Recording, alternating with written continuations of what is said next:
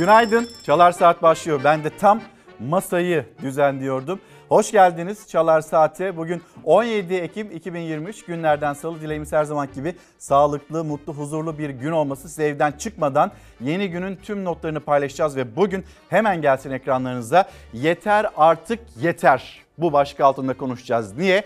En başta manşet olarak kuşkusuz İsrail-Hamas arasındaki savaşı konuşacağız. 11. güne girildi. Siviller hayatını kaybetmeye devam ediyor. Gazze'ye bombalar yağmaya devam ediyor. Refah kapısı orada Gazze'liler için bir çıkış kapısı, bir nefes alma kapısıydı ve bir iddia var şimdi refah kapısının da vurulduğu yönünde İsrail tarafından. Amerika Birleşik Devletleri Başkanı da diyor ki Joe Biden İsrail'in Gazze'yi işgali büyük hata olur. Hatalar konusunda uyarıyor. Bir yandan da donanmasını bölgeye gönderiyor. Hepsini konuşacağız. Ekonomi ağırlıklı bir gündem bekliyor sizleri. Hemen bir gazetelerimiz gelsin. Göstereyim gazetelerin manşetlerini. Gazete Pencere ve manşetinde görüşme çok sonuç yok. Ankara sürekli kalıcı bir ateşkesin sağlanması ve buradaki artık yangının sönmesi için devrede Cumhurbaşkanı Erdoğan pek çok isimle görüştü ama bu görüşmelerin sonrasında bir sonuç var mı? Fotoğraf söylüyor. Yukarıdaki fotoğraf işte Gazze'yi gösteriyor. Gazze'den yine dumanlar yükseliyor.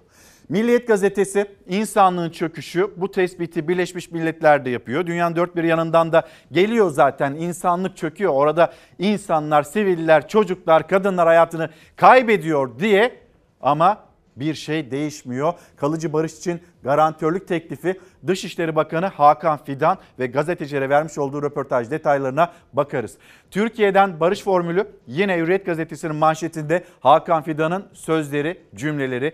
Cumhuriyet gazetesi bu önemli Cumhuriyet Gazetesi'nin manşetinde TRT'nin almış olduğu bir karar var. TRT savaşı bahane edip 100. yıl etkinliklerini ileri bir tarihe aldı. İleri bir tarihte kutlayacakmış e, Türkiye'nin devlet televizyonu. Oysa tam da şimdi Cumhuriyet'in ne kadar önemli, ne kadar kıymetli olduğunu anlamamızın vakti değil mi? Orta Doğu'daki durumu görmüyor mu acaba TRT? Neyse belki de bu karardan vazgeçerler. Sözcü gazetesi dostu düşmanı iyi tanı.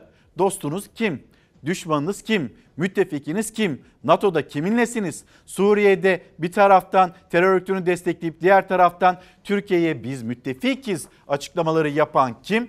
Ve yine aynı zamanda Doğu Akdeniz'de donanmayı gönderen kim? Burada küçük küçük fotoğraflar var. Hani böyle Amerika Birleşik Devletleri sürekli demokrasi, barış onu götürmeye çalışıyor ya. Barış götürdüğü ülkeleri de sıralıyor Sözcü gazetesi. 2001'de Afganistan'a, 2000 yılında Irak'a götürmüştü. Libya'ya 2011'de sonra 2011 yılında aynı zamanda Suriye'ye barış getirmek için geldi. Bu ülkelerin haline bakın. Sonrasında dost kimdir, düşman kimdir? Bunun tahlilini hep beraber yapalım. Sabah gazetesi batıdan katliama sansür. Görmüyorlar ya da görmezden geliyorlar.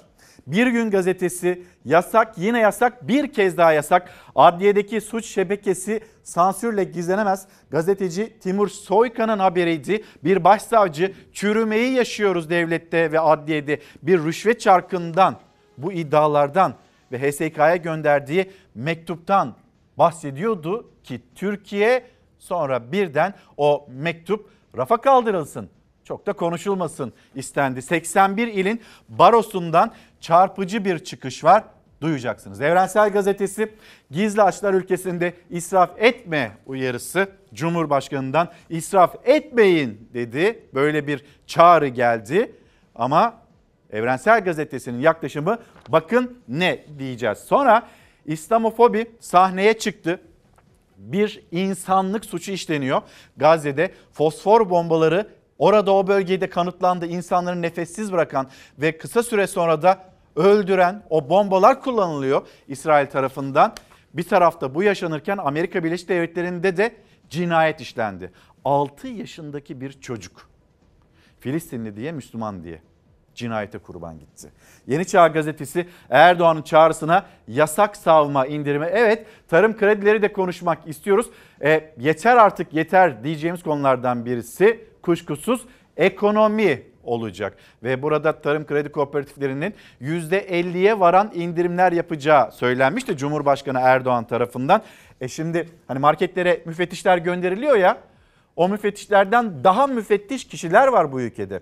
Vatandaş market market dolaşıyor ya da indirimden önce tarım kredi e, kooperatiflerine gittiyse oradaki fiyatları biliyordu. Dün itibariyle %50'lik indirimin hayata geçmesi gerekiyordu. Geçti mi geçmedi mi yoksa %50'lik indirim %100 yalan mı oldu konuşacağız. Ama ilk haberimize gelelim. İsrail-Hamas savaşında 11. gün sivillerin üzerine bombalar yağmaya devam ediyor.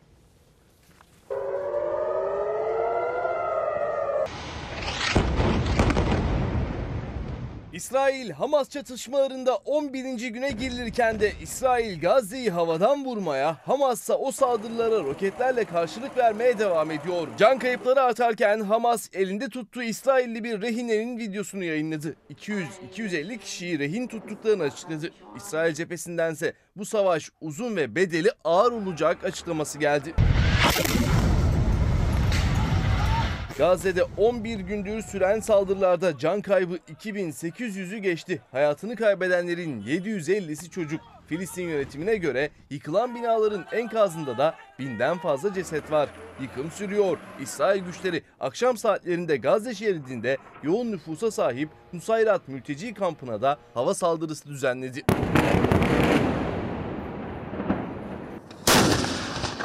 Gözler İsrail'in başlayacağını duyurduğu kara harekatında. Harekat öncesi sivillerin zorunlu göçü sürüyor. Şu ana kadar 600 bin kişi Gazze şeridinin kuzeyini terk etti. İsrail ise sürekli harekatı öteliyor. Son gerekçe bölgedeki hava koşulları. Ancak İsrail medyasına göre asıl neden askerlerin harekatı istememesi. Allah Akbar! עד שאנחנו לא מוצאים פתרון לביטחון. İsrail kamuoyunda da harekat karşıtlığı öne çıkmaya başladı. Hükümet üyeleri gittikleri her yerde sert tepkilerle karşılaşıyor. Tıpkı hastane ziyareti yapan Çevre Koruma Bakanı gibi. טובה, הרס את הממשלה הזאת, הרסתם לי את המדינה הזאת, הרסתם את המדינה הזאת, תלכו מפה, תלכו, עכשיו זה תורנו, אנחנו עכשיו... İsrail'de kalabalık bir kesim hükümete karşı sokakta gösterilere katılımı artıyor. Hedeflerinde Başbakan Netanyahu var. Çocuklarımızı geri getirmeliyiz. Şu an tek önem verdikleri şey hükümetteki pozisyonlarını korumak. Olası işgale karşı ses yükseltenlerden biri de Hamas saldırısında ailesini kaybeden bir İsrail vatandaşıydı. İntikam istemiyorum dedi. Annem babam için ağlamıyorum. Gazze'ye yapılacak kara harekatında ölecek insanlar için ağlıyorum. Savaşı durdurmalıyız. Savaş bir cevap değil. İntikam istemiyoruz. İntikam daha fazla acı demek. Ülkede tırmanan hükümet karşıtlığı kabinede de gerilimi yükseltti. İsrail medyasına göre Başbakan Netanyahu ile Savunma Bakanı kara harekatı konusunda fikir ayrılığı yaşıyor. Ancak Savunma Bakanı çatışmaların devamında kararlı görünüyor. Amerikan Dışişleri Bakanı'nın da katıldığı savaş kabine toplantısının ardından yaptığı açıklamada bu savaş uzun ve bedeli ağır olacak ama kazanacağız dedi Savunma Bakanı.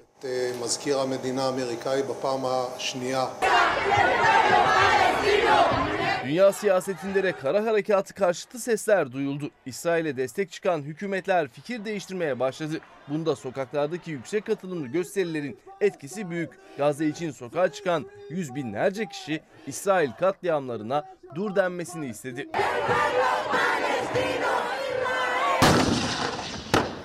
İsrail-Lübnan sınırında da gerginlik dorukta. Hizbullah, İsrail askerlerine yönelik saldırı görüntüleri yayınladı. Karşılıklı çatışmalar aralıklarla sürerken İsrail sınıra yakın 28 köyü boşaltma kararı aldı. İsrail ordusunun Lübnan'a yönelik topçu saldırıları akşam saatlerinde de sürdü.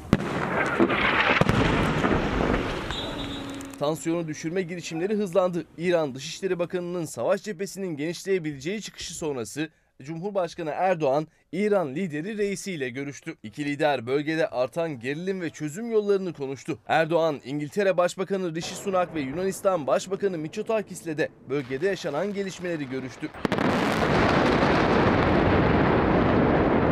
Dışişleri Bakanı Hakan Fidan da Orta Doğu'da yanan o ateşi söndürmek için temaslarını arttırdı. Bakan Fidan, Hamas'ın siyasi büro başkanı Heniye ile rehinelerin serbest bırakılması için telefonda görüştü. Fidan'ın bugün Lübnan'a ardından da Suudi Arabistan'a gideceği öğrenildi.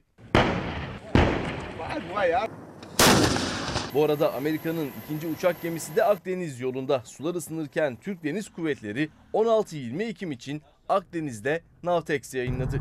Kıbrıs açıklarında atış eğitimi yapılacağını duyurdu. Günaydın diyen izleyicilerimiz var. Bizler de günaydınlarımızı iletelim. Bandırmadan mesela bir izleyicimiz. Sonra Fatma Nur Artan günaydınlar bitsin artık bu savaşlar içimiz öldü diyor. Fatma Nur Hanım gönderdiği mesajda. Sonra Neriman Hanım dul ve yetim aylığına da değinir misiniz? Yeter artık desek ne olacak? Kimse sesimizi duymuyor ki. Sesin duyulmamasının bir sebebi var. Çünkü Kasada para yok. Ocak ayından Eylül ayına kadar bütçe, ek MTV'ler, vergi yükleri neler neler istendi. Vatandaş bir kez daha o paraları verdi, ödedi. E hala ciddi bir açık var. Yani burada yama yapılmaya çalışıldı ek vergilerle. O yamalar da tutmadı. 512.9 milyar liralık bir açıktan söz ediyoruz. Sonra yine günaydınlardan devam edelim. Nazan Hanım Çukurova'dan, Adana Çukurova'dan günaydın diyor. Serkan Zaim kendi memleketinden Arhavi'den haber vermiş. Arhavi'de ekmek 8,5 lira oldu. Ee, bizim de ekonomi haberlerimiz var. Onları da ekranlarınıza getireceğiz. Enflasyonun tek sebebi biz emekliler miyiz acaba? Yani yüksek ücretler yüksek enflasyona sebep oluyor diye bir yaklaşım sergiledi ya Mehmet Şimşek. Emeklilere yüksek ücret verilirse maazallah bütün emeklilere o 5 bin lira verilirse enflasyon mu sıçrayacak diye emeklilerimiz soruyor. Biber tarlasında bir emeklinin sesini duyacaksınız. Biz keyfimizden buraya gelmiyoruz diyen bir emeklimiz. Başka cümleleri de var. Sonra Mersin günaydınlar. Biz emekliler olarak her zaman yoklamada varız. Günaydın diyelim o zaman. Yoklama yapıyoruz. Biz İstanbul'dan günaydın diyoruz. Siz neredesiniz? Gündeminizde ne var? Yeter artık yeter başlığı altında konuşurken e, memleketten haberler de paylaşalım isterseniz. E, Tem'de dün akşam saatlerinde bir kaza meydana geldi. Zincirleme trafik kazası ve bu kazaya da 26 araç karıştı.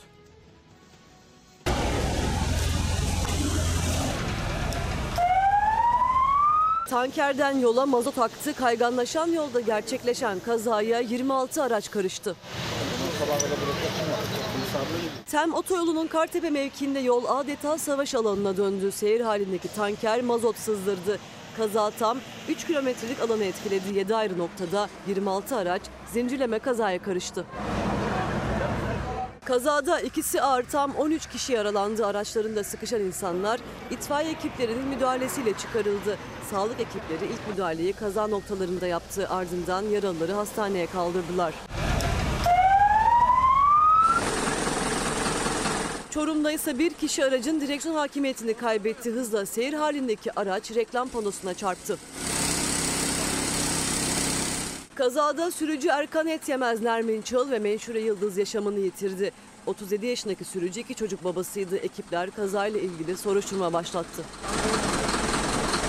2 kilometreden beri kendisini takip ediyoruz. Makas atarak yola devam ediyordu. İstanbul Tem otoyolunda da trafik güvenliğini hiçe sayanlar zincirleme kazaya sebep oldu. Önce taksiyle minibüs çarpıştı. Hemen arkalarından gelen iki otomobil de onlara çarptı. Görgü tanıklarına göre arkadan gelen araçlardan biri hızlıydı. Sürücü tehlikeli araç kullanıyordu. Zincirleme kaza kaçınılmaz oldu. Kazada iki kişi yaralandı. Yaralıların hayati tehlikesi bulunmuyor. Geçmiş olsun diyelim. Ee, sıradaki haberi paylaşmadan önce isterseniz hep birlikte derin bir nefes alalım. Bir dışarıya bakalım. İstanbul'un yeni güne nasıl başladığını söyleyelim sizlere. Bulutlu, serin, rüzgarlı bir gün var İstanbul'da. Sonbahar artık kendisini iyiden iyiye hissettiriyor ve devamında kara kış yakın bu kışı nasıl geçireceğiz endişesini de elbette bu havalar birlikte beraberinde getiriyor. Şimdi gelelim birazcık böyle nefes aldıysak, pencereden dışarıya baktıysak e, sıradaki haberimiz maalesef bir zam haberi. Dev zam motorine geldi. 2 lira 23 kuruşluk bir zam geldi motorine ve motorin yeniden 40 lira. Sadece motorine zam geldi diye düşünmeyin. Motorine gelen zam her şeye gelecek zam demek. Yakıt almaya geldiniz herhalde. Maalesef. Motorin mi? Evet motorun. Gece zam geldi. Gelsin alıştık. Çok memnunuz. Az geliyor biraz daha yapsınlar. Ne kadar yapsınlar? 50 lira olsun litresi. Düz hesap böyle parça parça yapmasınlar acıtıyor. Araç sahiplerinin cebini yakacak haber yine akaryakıt istasyonlarından geldi. Motorinin litresine 2 lira 23 kuruşluk dev zam yapıldı. Litresi İstanbul'da 39,5 liraya, diğer illerde ise 40 liranın üzerine çıktı. Param yok o kadar 800 TL aldım. 800 liralık mı 800 lira. aldınız? Eskiden hep 50 liralık alınıyordu ya. Eskiden depoda dolduruyorum. Şu anda depo dolduramam. İşimiz olmadı, olmasa arabayı da kullanmayacağız ama işte mecbur. Engelli de bir eşim var. Bu işi sürdürmek zorundayız. Nereye kadar gidersin? Psikolojik bir sınırımız yok. At arabasına kadar gider herhalde. Zammın gerekçesi aynı. Dalgalanan petrol fiyatları ve döviz kurlarındaki hareketlilik. Türk lirasının değer kaybı zam olarak yansıyor her kaleme. Akaryakıtta da o zamlar kendini hemen hissettiriyor. 1430. Nasıl bir rakam? E, yüksek tabii. Daha önce bu kadar aldığınızda ne kadar tutuyordu? Yani 700-800 falan yazıyordu. Yarım depo mu doldurdunuz? Şu an 1400. yarım depo. Aynen neredeyse yarım depo yani. 600 lira tuttu. Az aldınız evet. Evet az aldık. Maalesef ekonomik koşullar bunu gerektiriyor. Akaryakıttaki vergileri indirmiş olsalar insanlar amacına göre ulaşımına daha kolay erişebilecekler. Ama maalesef ülkemizde benzine uygulanan vergi yükü oldukça yüksek. Halk olarak da biraz da zorlanıyoruz açıkçası. Ee, gıdım gıdım bir şeyler almaya çalışıyoruz. Gece saatlerinde akaryakıt istasyonlarında fiyat tabelaları yine değişti. Zamlanan motorin oldu bu kez. Hem de az değildi o zam. Kalemde 2 lira 23 kuruş zam geldi motorine. Gelen büyük zamla birlikte motorinin litresi İstanbul'da ortalama 39 lira 58 kuruşa, Ankara'da ortalama 40 lira 16 kuruşa, İzmir'de ise ortalama 40 lira 34 kuruşa yükseldi. 55 litrelik dizel bir aracın deposu düne göre 122 lira daha fazlaya doluyor. Gelen zam da yalnızca araç sahiplerini etkilemeyecek. Özellikle motorin hem üretim hem nakliyede önemli bir gider kalemi. Akaryakıt zamlanınca çiftçinin tarlasını sürerken kullandığı traktörün yakıtı da o ürünü şehirlere dağıtırken kullanılan araçların kullandığı yakıtta daha büyük bir gider kalemine dönüşüyor. Bu yüzden de tüm ürünler zamlanıyor. Yani iğneden ipliğe her şeye zam olarak yansıyor akaryakıttaki fiyat artışları. Sırada Belçika'da bir terör saldırısı var. O habere geçmeden önce neyle ilgili? Aslında tüm Orta Doğu'da yaşananlarla ilgili. Tekrar dönelim gazetelere. Milliyet gazetesi, insanlığın çöküşü. Kimse burada yangın bitsin diye uğraşmıyor maalesef. Ve Gazze şeridine 7 Ekim'den bu yana ateş ve ölüm yağıyor. Yarım milyon kişi Gazze'nin güneyine geçerken 750'si çocuk 2808 Filistinli yaşamını yitirdi Gazze'de. Oradan uzaklaşmak isteyenler, refah kapısından geçmek isteyenler bir iddia İsrail Mısır'a açılan kapı insanların çıkabileceği, kaçabileceği kapıyı vurduğu yönünde. Bu arada Amerika Birleşik Devletleri Başkanı e, Joe Biden çarşamba günü İsrail'de olacak diye bir bilgi ve Amerika Birleşik Devletleri'nin orada konuşulanlar 2000 asker göndereceği, İsrail'e 2000 asker göndereceği yönünde yine bilgiler paylaşılıyor Amerika Birleşik Devletleri medyasında. Şimdi tüm bu yaşananlardan sonra Joe Biden'ın o cümlesine geri dönecek olursak ne diyordu? İsrail'in Gazze'yi işgali büyük hata olur. Ama bir taraftan kendisi gidiyor, diğer taraftan Dışişleri Bakanı gidiyor, diğer taraftan asker gönderiyor. Donanması orada, ABD orada. Bırakın bir yer işgal edilecekse ben ederim mi diyor Amerika Birleşik Devletleri.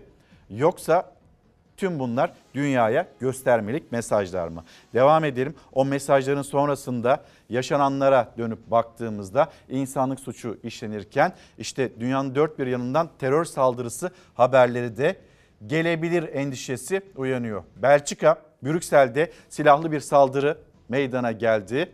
Burada iki kişi hayatını kaybetti. Belçika ve İsveç arasında oynanacak olan o maç da ertelendi. Silahıyla rastgele ateş açtı. İki kişiyi öldürdü, bir kişiyi ağır yaraladı. Belçika'nın başkenti Brüksel terör saldırısıyla şok yaşadı.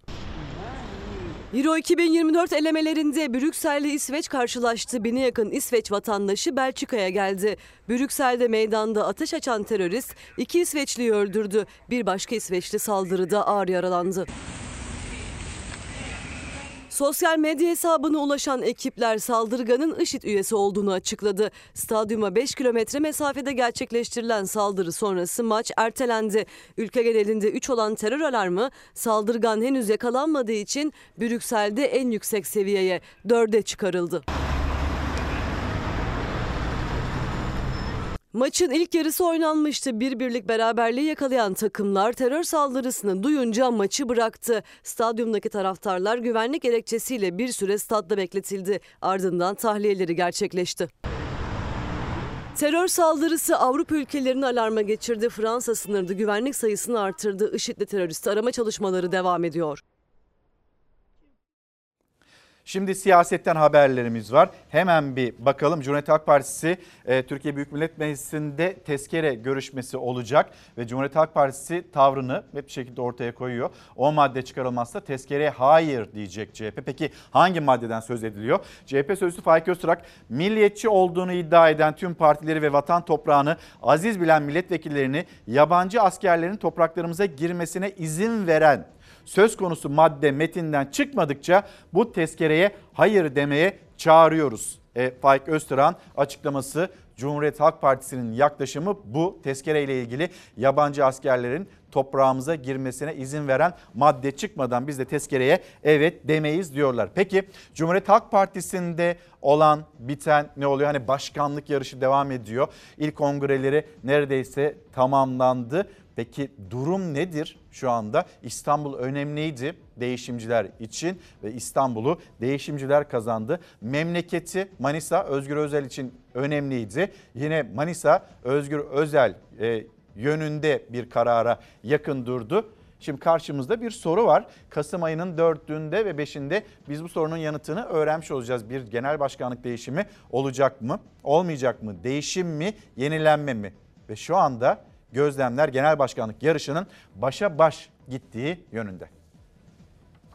Sayın Genel Başkan diyor ki kurultayı yapacağız. Kurultaydan sonra konuşanı kapının önüne koyacağım. Kim kongrelerden sonra parti aleyhine konuşursa kimse kusura bakmasın onu partiden ayıracağım. Kurultaydan sonra kimin genel başkan olacağına Cumhuriyet Halk Partisi'nin delegeleri karar verecek. Daha yapılmamış kurultaydan kurultay sonrası kapı önüne koymaları değil ben baba evinin kapılarını açmayı vaat ediyorum. Kılıçdaroğlu'nun kurultay sonucundan emin göreve devam mesajı ve kurultay sonrasına ilişkin verdiği gözdağı. Genel Başkan adayı Özgür Özel'den yanıt gecikmedi. Kapıyı kapatmaya değil açmaya geliyorum dedi. CHP sözcüsü Öztrak da Özel'e yanıt verdi. Genel başkanımızın kastettiği parti disiplinidir. Bunu en iyi bilmesi gereken de Sayın Özel'dir. Disiplinin olmadığı hiçbir örgütün ayakta kalamayacağını en iyi Sayın Özel'in bilmesi gerekir. Baba evinin kapısı açıktır çünkü tapusu bizde değil. Tapusu ne Özgür Özel'de ne Kemal Bey'de kimse kusura bakmasın. Milletvekilleri için 3 dönem sınırı getireceğiz. Delege sistemini kaldıracağız arkadaşlar. Üyeler gelsinler seçsinler diyeceğiz. Delege sistemini kaldıracağız.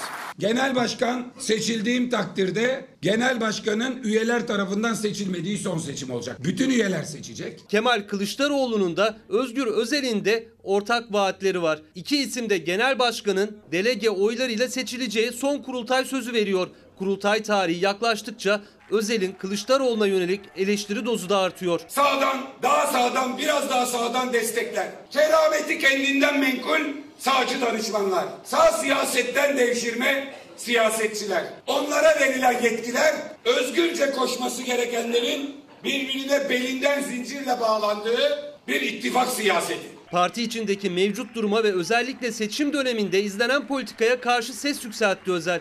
Genel başkanlık yarışında iddiasını rakamlarla dillendirdi. Meclis grubunun çoğunluğunun da desteğini aldığını söyledi. Şimdi grubun yarısından fazlasıyla birlikteyiz. 30'a yakın il başkanımızın desteği şu aşamada söz konusu. Kurultay salonuna 35 ile mi 40 ile mi 50 ile mi gireriz bilmem ama 81 il başkanı ile birlikte çıkacağız. Kaç milletvekili destekliyor önemi yok. 130 milletvekiliyle birlikte çıkacağız. Kongre takvimi de bir il dışında tamamlandı CHP'de. Genel tabloda genel merkez ve değişim isteyenler baş başa durumda. Çekimser kalan illerin oyu etkili olacak kurultayda. Atanmayan öğretmenlerimize de bir günaydın diyeyim. Gönderdikleri çiçek var. Çok sağ olsunlar. Teşekkürler. Stüdyomuz gerçekten nefis koktu. E, atama bekleyen öğretmenler olarak mülakatın kaldırılması ile ilgili desteklerinden dolayı Fox habere ve ekibine teşekkür ederiz diyor. Atama bekleyen öğretmenler sağ ekibi böyle de bir not e, göndermişler. Siz sağ olun, siz iyi ki varsınız ve elbette mülakat bir haksızlık. Mülakat denilen şey zaten torpil başka bir şey değil ve bunu da gündemde tutmaya devam edeceğiz. Siyasetten bir başka haberimiz var demiştik. O da velev ki Cumhuriyet Halk Partisi'nde yönetim değişti. Özgür Özel genel başkan oldu. İyi Parti burada biz 81 ilde aday çıkartacağız tavrında yumuşamaya gider mi? Yani ittifaka, işbirliğine kapı aralar mı? Kürşat Zorlu İyi Parti'nin sözcüsü konuştu. Çok netiz. İttifak bizim için nihayete erdi dedi. Biz bir başka partinin tabii kongresiyle ilgilenmiyoruz. Bunu e, bizzat e, Cumhuriyet Halk Partisi e, kadrolarına, seçmenlerine bir haksızlık olarak değerlendiririz. Ama bununla birlikte çok netiz böyle bir e, kongreden çıkacak sonuçta bizim kararımız arasında hiçbir ilişki yoktur. Bu konu bizim için nihayet ermiş bir konudur e, ve çalışmalarımızı çok ciddi e, olabildiğince hızlı bir şekilde yürütüyoruz. E, önümüzdeki günlerde inşallah adaylarımızı peş peşe açıklamaya devam edeceğiz. Gündemden haberler veriyoruz. Günaydın diyen izleyicilerimize bir kez daha hatırlatalım. Sosyal medyalarımız ekranda. Yeter artık yeter başlığı altında konuşuyoruz. Ve e, ekonomiye dair de pek çok izleyicimizden, emeklimizden, asgari ücretlilerden gelen mesajlar var. Şimdi e, asgari ücrette bir masa kurulacak ama o masaya kimler oturacak? Sendika temsilcileri mi? Yoksa işçinin kendisi mi? Birazdan bununla ilgili yeni bilgiyi de paylaşacağız. Masada artık dengeleri değiştirmek istiyor Türk İş ve bir tarafta hakem olarak hükümet, diğer tarafta yine işte o parayı veren, o maaşı veren işverenler gelsin. Hadi bakalım o haberi de getirelim ekranlarınıza. Zam pazarlığını asgari ücretlinin kendisi yapacak 20 Kasım'da bu da belli olacak ve o tarihten sonra da zam pazarlığı başlayacak. %40 mı olur? %40 olursa asgari ücret ne kadar olur böyle bir zamdan sonra? %50 yapılırsa hangi oranlara gelir? Yeter mi mesela %50'lik bir zam yeterli olur mu? Asgari ücretlerimiz evden çıkmadan sizlere bu soruyu sormuş olalım ve zam pazarlığında kurulacak olan yeni masa. Türkiye'de şimdiye hiç kurmadığımız şekilde bir komisyon kuracağız. O komisyon ne olacağını, ne gideceğini belli edecek. Asgari ücret tespit komisyonunda masaya işçinin, asgari ücretlinin kendisi oturacak. Yaşadığı pahalılığı, geçim derdini anlatacak. Yani kendi zammının pazarlığını işçi kendisi yapacak. İki kadın olacak, iki erkek olacak. Orada ne olması gerekiyorsa orada oturanlar onlar karar verecekler. Sendikacılar da onlara uyacaklar. Onlar geçinemediklerini anlatacaklar. Yeni asgari ücret ne kadar olacak? Ankara'da senaryoları konuşulmaya başladı. Zam oranı %40 olursa net 15.962 lira olacak asgari ücret. %50'yi bulursa 17.103 lira. Daha yukarısını şimdilik telaffuz eden yok. Milyonlarca asgari ücretli tespit komisyonu ve o komisyondan çıkacak ücreti beklerken Türk İş pazarlık masasını yeniden kuracak. Asgari ücretli sendikalarda işçi yok. Sendikanın olduğu yerde işte aile yardımı olur, ikramiye olur, servis olur, yemek olur, bir şey olur. Onun için ona rağmen bunların tamamı 8 milyon işçi sanki bizim üyemiz, ailemizin bir parçası gibi gayret sarf ediyoruz. Allah nasip ederse Kasım ayının 20'sinden sonra yeni bir komisyon kuracağız. İki kadın, iki erkek işçi, bir de sendikadan bir temsilci. Asgari ücretli hükümet ve işverene karşı hakkını, zam talebini kendisi savunacak. Emekten yana olmayanlarla aranıza mesafe koyun. Şimdi çok hızlı reklamlara gidip döneceğiz. İki kitap göstereyim. Reklamlardan sonra neyi konuşacağız? Onun ipuçları da olacak. Barbarlarla beklerken Mehmet Masum Oral'ın kitabı. Tarık Koç Bir Hayalin Ardında bu kitabımızı da gösterelim. Şimdi reklamların ardından neyi konuşacağız ekonomide? Özellikle gelsin hemen ekranlarınıza sırayla da paylaşalım. İlk 10 ekonomide olacağız. Şimdi burada Cumhurbaşkanı Strateji ve Bütçe Başkanlığı 12. Kalkınma Planı'nı meclise sundu. Meclis Başkanlığı'na. Biz dünyanın ilk 10 ekonomisinden birisi olacağız. Ne zaman? 2053'te. Bunu konuşacağız. Devam edelim. Bütçe açığı biraz çıtlatmıştım. Az sonra açmak da istiyoruz. Artık üzerimizdeki vergi yüküyle kamburu artık kambur olduk. Yani başka bir tarifi de yok bunun. Ek vergiler de kurtarmadı. Bütçe açığı kapanmıyor ve kapanmadıkça e, bizim üzerimizdeki vergi yükü daha da artacak mı? Vergi uzmanı Ozan Bingöl anlatacak. Devamında bir başka haber daha. Açlık sınırı 12.612 lira. Yoksulluk sınırı 43.623 lira. Konuşacağımız konulardan sadece birkaçı bunlar. Eğer evinize 43.623 liranın altında bir para, bir meblağ giriyorsa, bütçeniz bunun altındaysa yoksulsunuz efendim. Ve yeter artık yeter başlığı altında konuşacağız. Reklamların ardından hemen geleceğiz.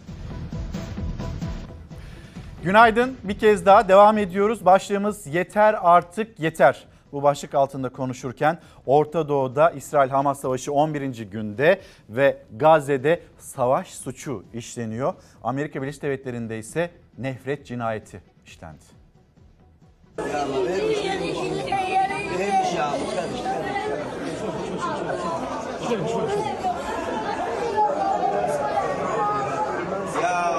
Altı çocuk, tek bir sedye. Onları tedavi ederken gözyaşlarını tutamayan doktor. İsrail bombalarının hedefi yine çocuklar hatta bebekler oldu.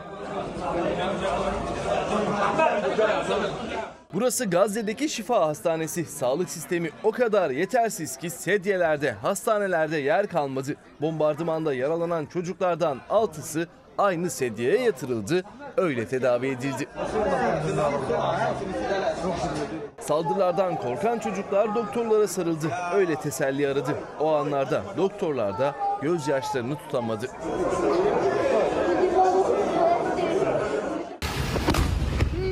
Hamas'ın şafak saldırısıyla başlayan çatışmalarda 11 gün geride kaldı. İsrail saldırılara abluka altındaki Gazze'de katliam yaparak yanıt verdi. Bölgenin elektriğini suyunu kesmekle kalmadı, hedef gözetmeksizin her yeri bombaladı.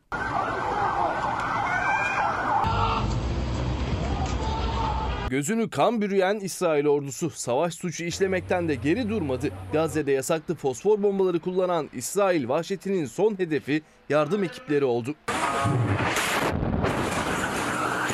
Filistinli acil servis ve sivil savunma ekipleri yardım için İsrail'in bombaladığı bölgedeydi. Enkazdaki yaralıları kurtarmaya çalışırken füzeli saldırının hedefi oldular.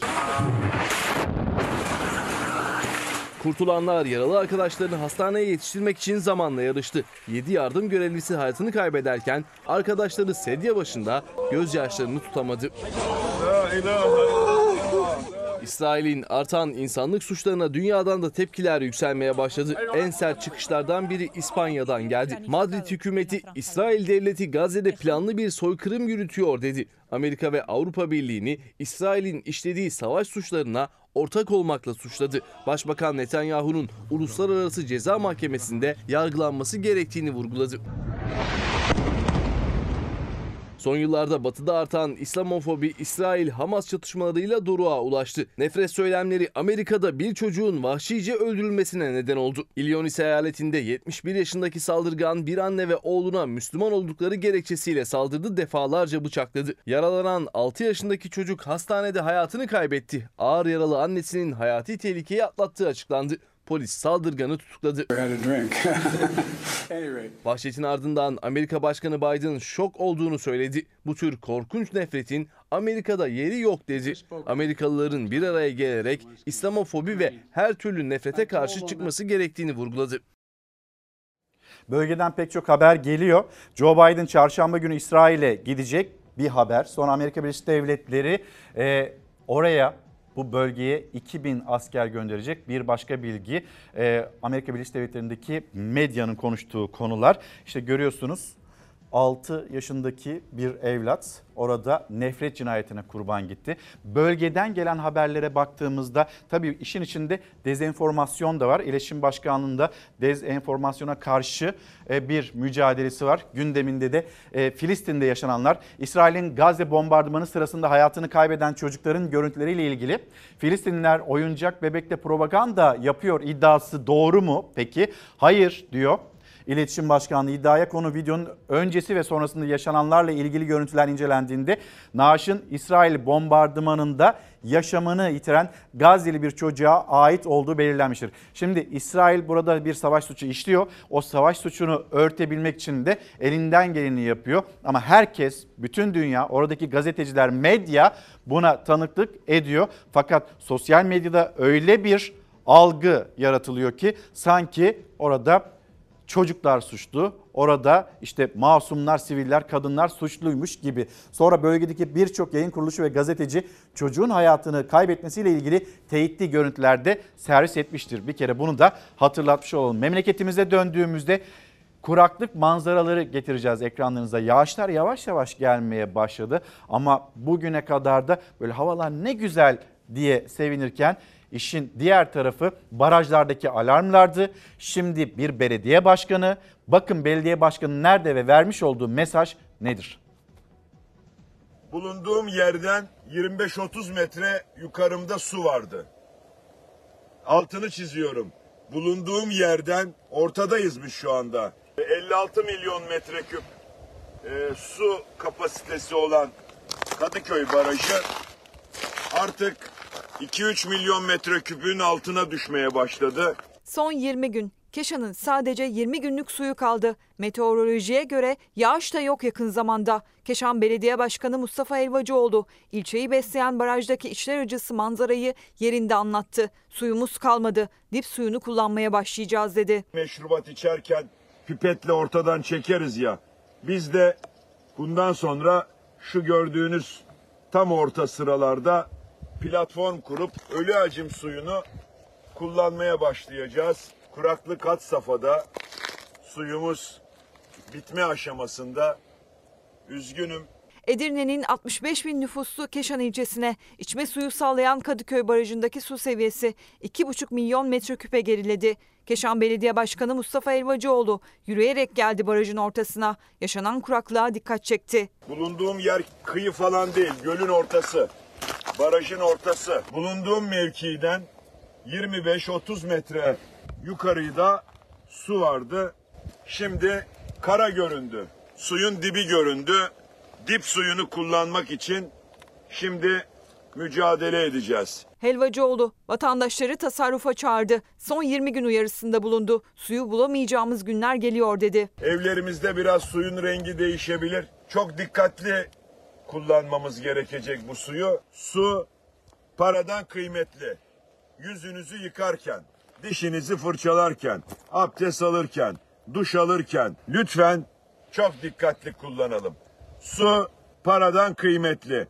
Paranız olsa da suyu bulamayacak günler geliyor. Barajımız şu anda %10 seviyesinin altına düşmüştür. Bu ne demek? Kritik seviye demek. Çanakkale'deki barajlar içinde durum farklı değil. Kaz Dağları'ndan beslenen Bayramiç bu yılı kurak geçirdi. Yağışlar yok denecek kadar azdı. Su seviyesi %8'lere düşen Bayramiç Barajı yaşanan kuraklık nedeniyle önümüzdeki hafta tarımsal sulamaya kapatılacak. Önümüzdeki hafta içi barajımızı sulamaya kapatmak zorundayız. Bu barajda canlı yaşamı korumak, Bayramiç merkezin içme suyuna karşılamak anlamında yapılması gereken bir adımdır. Keşan ve Bayramiç Belediye Başkanlarının uyarılarını duydunuz. Memleketin genelinde bunu görüyoruz. Bodrum'da zaten su bitti. İstanbul için yine alarm seviyesinde hatırlatmış olalım. Sonra X'ten gelen mesajlar onları da atlamayalım. Yeter artık yeter başlığı altında konuşurken e, izleyicilerimiz kademeli emekliliği hatırlatıyorlar. Kademeli emekliliğin de mevsim gündemine gelmesini istiyorlar. Sonra bir hekim Doktor Yusuf Er yazan o da diyor ki yeter artık yeter sağlıkta şiddet için önlem almayanlar istifa etsin. Ne oldu? Giderlerse gitsinler denilmişti ya hani doktorlara. Ne oldu? Onunla ilgili haberimiz gelecek. Güzel bir haberle devam edelim. Yine hani böyle içimize bir umut olsun. Gözümüz kulağımız artık böyle Haziran'da olacak olan, yapılacak olan o turnuvada Euro 2024'te. Bekle bizi Almanya demiştik. Şimdi Almanya bizi bekliyor. E, Letonya'yı 4 golle de devirdik ve Almanya vizesini 2024 biletini cebimize koyduk. Yalnız iş burada bitti mi? Hayır bitmedi. Yine önemli bir viraj daha var. O da birinci torbada olabilmek için mücadele. Deplasmanda Galler ile karşı karşıya geleceğiz. Galler'i de yenersek İşte o zaman yani Almanya'da oynamak bizim için önemli bir şans ama grup birincisi olarak bu gruptan çıkarsak işte o zaman çok çok daha büyük bir avantajı elde edeceğiz turnuvada. Hatırlatalım o sevinci bir kez daha ekranlarınıza getirelim. Bizim çocuklar geliyor. Sizin çocuklar geliyor. A milliler Euro 2024 biletini cebine koydu ama iş henüz bitmedi. Elindeki avantajı katlamak için grup liderliği de önemli. su cui bisogna, bisogna migliorare. Yani aslında şöyle söylemek lazım. Çok özel bir gurur yaşıyorum. Gerçekten çok e, mutluyum. Montella'nın takımın başına geçmesiyle bambaşka bir hava yakaladı milli takım. Son iki maçında önce Hırvatistan'ı devirdi. Ardından Konya'da Letonya'yı geçti. Teşekkür ederiz Sayın Az kalsın hat-trick yapıyordum olmadı Sayın Bir dahaki maça inşallah. Sevinç dalgası Türkiye'nin her yerini sardı. Soyunma odasındaki horon sosyal medyada defalarca izlendi.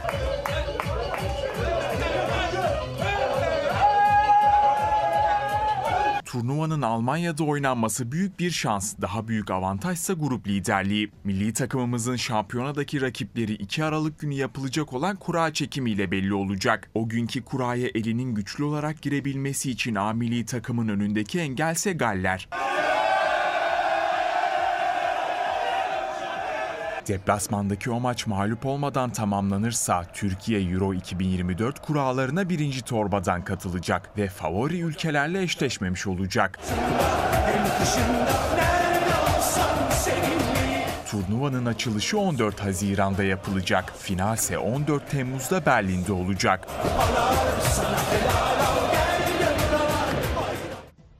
Şimdi önümüzde bir engel daha var. O da Galler. Galler deplasmanında da kazanırsak işte grup lideri olacak. Ya da şöyle kaybetmezsek, puan kaybetmezsek, mağlup olmazsak grup lideri olarak çıkacağız. D grubundan birinci torbada yer alacağız. O güçlü ülkelerde, rakiplerde yine aynı torbada olduğu için onlarla karşılaşmayacağız. En azından ön elemelerde. Peki ekonomiye geçeceğiz. Ekonomiye geçerken Yeni Çağ gazetesinin manşetine bakalım. Erdoğan'ın çağrısına yasak savma indirimi zincir marketlerin %50'ye varan indirim sözü havada kaldı. Sabah erkenden tarım krediye akın eden vatandaşlar bazı ürünlerin fiyatında sadece 1-2 lira düşüş gördü. Ve bunu görünce de, de tabii ki hayal kırıklığına uğradı. Yalnız bizim memleketimizde insanlarımız, emeklerimiz, çalışanlar neden sabahın köründe tarım krediye gitmek zorunda kalıyor? Bir kere soru bu. Sonra %50'ye varan indirim ayın 16'sından geçerli olacak denildi. Cumhurbaşkanına doğruyu mu söylemiyorlar? Yapacağız efendim deyip acaba yalan mı söyleniyor Cumhurbaşkanına? İşte tartışma da zaten burada büyüyor. %50 indirim, %100 yalan mı oldu? Yalan dolan. İndirim var diyorlar ama hiçbir şey yok. Boş geldin boş çık. Hani 150 iniyordu bu? Bakın Allah aşkına. Hepsi palavra dönüyor ortada. 16 Ekim'de başlayacak yeni kampanya kapsamında süt, peynir, pirinç, nohut, mercimek, ayçiçek yağı, salça, çay, un gibi temel ihtiyaç ürünleriyle temizlik ürünlerinde %50'ye varan indirim yapılacak. Televizyonda reklamını veriyorlar indirim var diye koşu koşu geldik ama hiçbir şey almadan gidiyoruz yani. Fiyatlar değişmemiş. Fotoğrafını çektim yağın. Geçen hafta da aynıydı. Ne kadar fiyatı? Şuraya bak. 940 lira. 940. Geçen hafta da 940'tı. Temel gıda yağ. En birinci sırada yani. Hadi indirim. Bu millet doymaz yalana da. Yüzde yüz yalan, yüzde elli değil. Tarım Kredi Kooperatif marketlerinde temel gıda ve temizlik ürünlerinde %50 indirim yapılacağı duyuruldu. Tüketici erkenden o marketlerin yolunu tuttu ama indirim yoktu. İndirim indirim yok. Ne indirimi ya? İndirim var diyorlar. Nerede indirim? Şeker baktım aynı fiyat. Dün de baktım aynı fiyat, bugün de aynı fiyat. 143 lira aynı para. Cumhurbaşkanı oradan talimat veriyor ama gelsin de piyasaya bir gelsin kendisi görsün. İşletmelerimizi yapacakları indirimlerle, enflasyonla ve hayat pahalılığıyla mücadelemize destek vermeye davet ediyorum. Cumhurbaşkanı Erdoğan'ın bu çağrısından 3 gün sonra 12 Ekim'de Tarım Kredi Kooperatifleri büyük bir indirim duyurusu yayınladı. Yeni haftaya %50 indirimli fiyatlarla girileceği söylendi ama etiketler değişmedi. 12 Ekim 2023 tarihinde Tarım Kredi Kooperatif marketlerinde 5 litrelik ayçiçek yağının fiyatı 164 lira 50 kuruş. Tarım Kredi Kooperatif marketlerinde tüketiciye indirim için bugüne randevu verilmişti ama tüketici indirimi göremedi. Örneğin temel gıda ürünü ayçiçek yağı. Ayçiçek yağının fiyatı reyonda hala 164 lira 50 kuruş. Cumartesi günü geldik, bütün etiketlerin şeylerini çektik. Şimdi geldik aynı fiyat. Bütün hepsi pirincidir, yağsıdır, çayıdır. Dört gün önce çektim fiyatla şimdiki fiyat aynı. Makarna da 50 kuruşuymuş. Başka da indirim yok. Tüketici gibi Fox Haber'de fiyatların nabzını tuttu. Kampanya açıklandığı gün 12 Ekim'de beyaz peynir 119 liraydı. Hala 119 lira. Çay 93 lira 90 kuruştu. Fiyatı değişecek ürünler arasında sayılmasına rağmen indirim gelmedi. 5 kiloluk toz şeker fiyatı aynı. Yine 143 lira 50 kuruş. Aynı fiyat. Değişen bir şey yok yani. Dün baktım dünkü fiyatlarla falan fiyatlar aynı yani. Baktık iller ucuz diye geldik ama çok da beklediğimiz bir ucuzluk yok açıkçası. Benim evim biraz buraya uzak. Buraya kadar gelmeye gerek yok diye evim yanındaki markette fiyatlar aynı. Mercimek, zeytinyağı tüm fiyatlar aynı. Makarnada 50 kuruş indirim var. O da %50'ye denk gelmiyor. İndirim oranı %3. Deterjandaki indirim oranı ise %8. Tüketici tarım kredi marketlerinden eli boş döndü. Bunun neresi indirim? Yani bu kadar milleti kandırmak, bu kadar aldatmak yazıklar olsun. Başka hiçbir şey demiyorum. Ne indirimi? İndirim diye bir şey varsa bana da söylesinler ben de alayım 7,5 lira maaş alıyoruz. Yeter artık yani insanların aklına dalga geçip de insanları sinir etmesinler.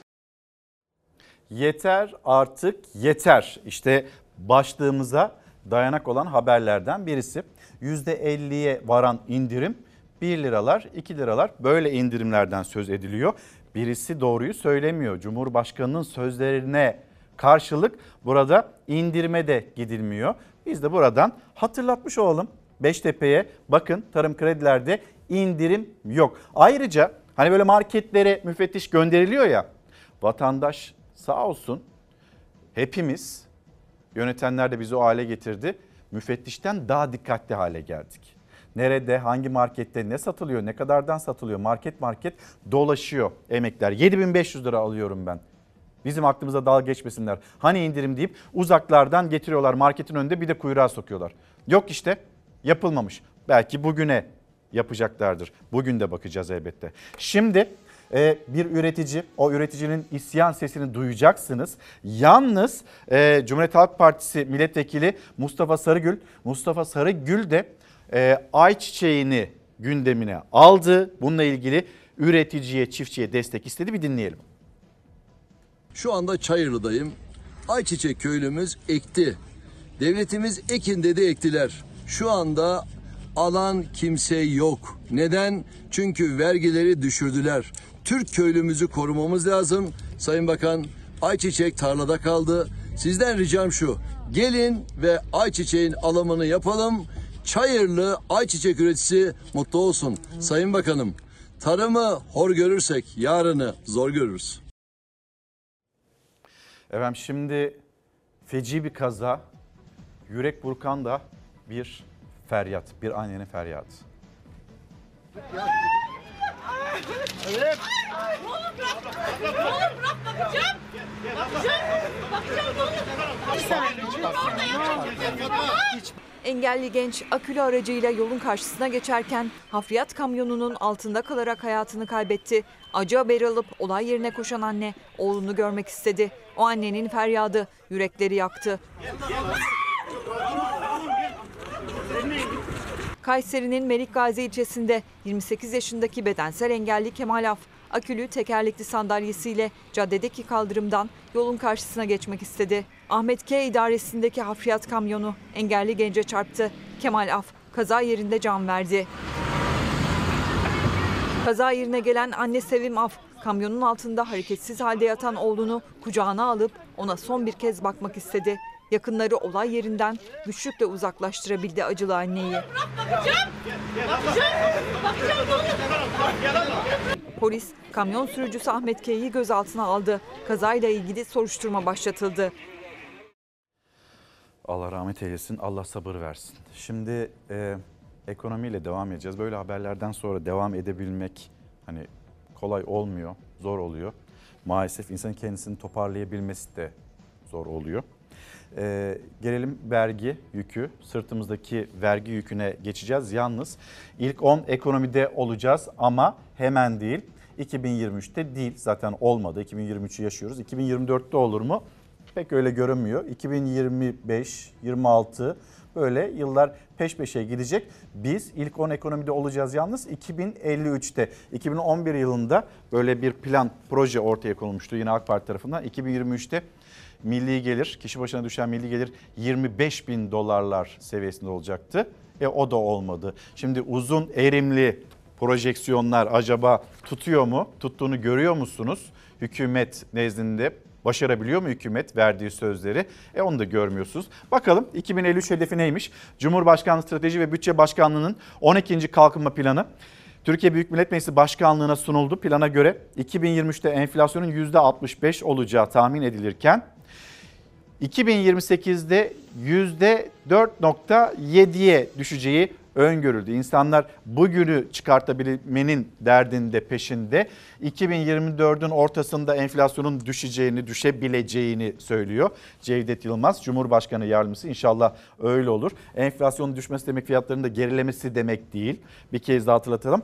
Artık böyle yüzde 50, yüzde 60 TÜİK'e göre ya da ENAK'a göre yüzde 100 zamlanarak gitmeyecek.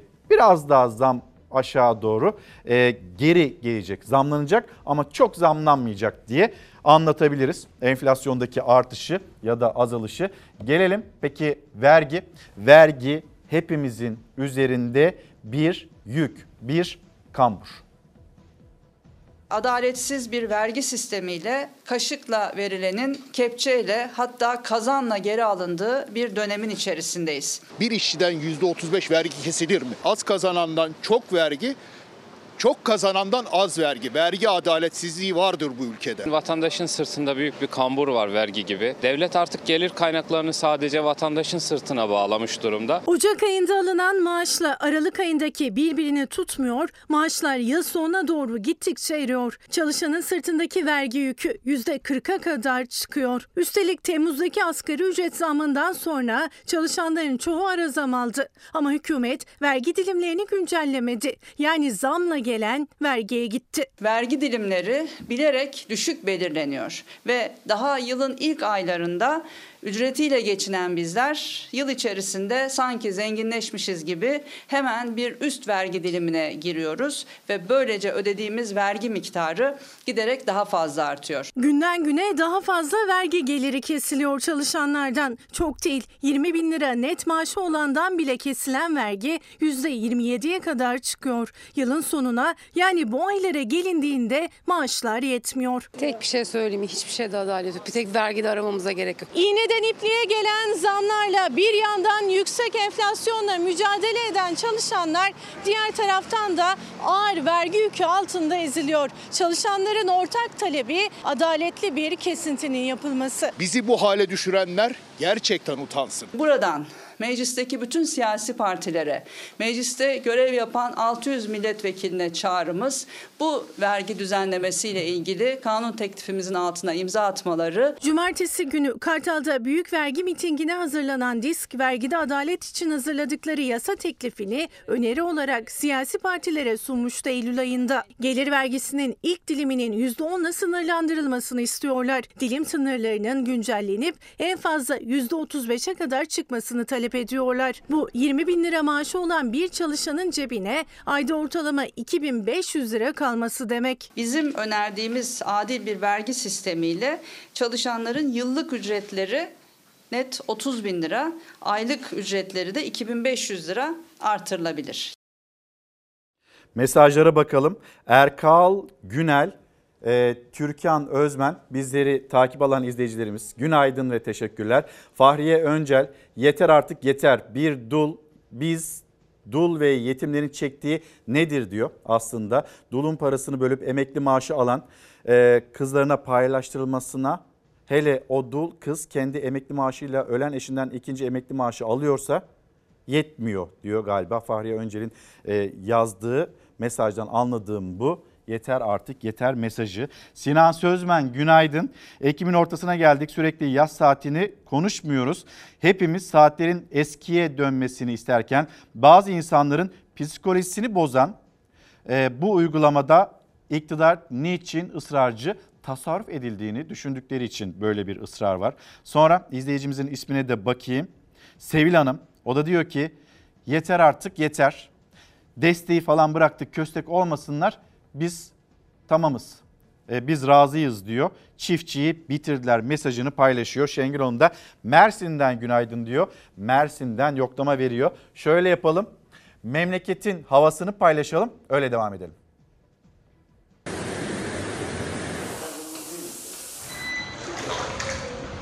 Meteoroloji Karadeniz bölgesi için sel ve su baskını uyarısı yapmıştı. Ordu'nun Fatsa ilçesinde caddeler, sokaklar, binalar su altında kaldı.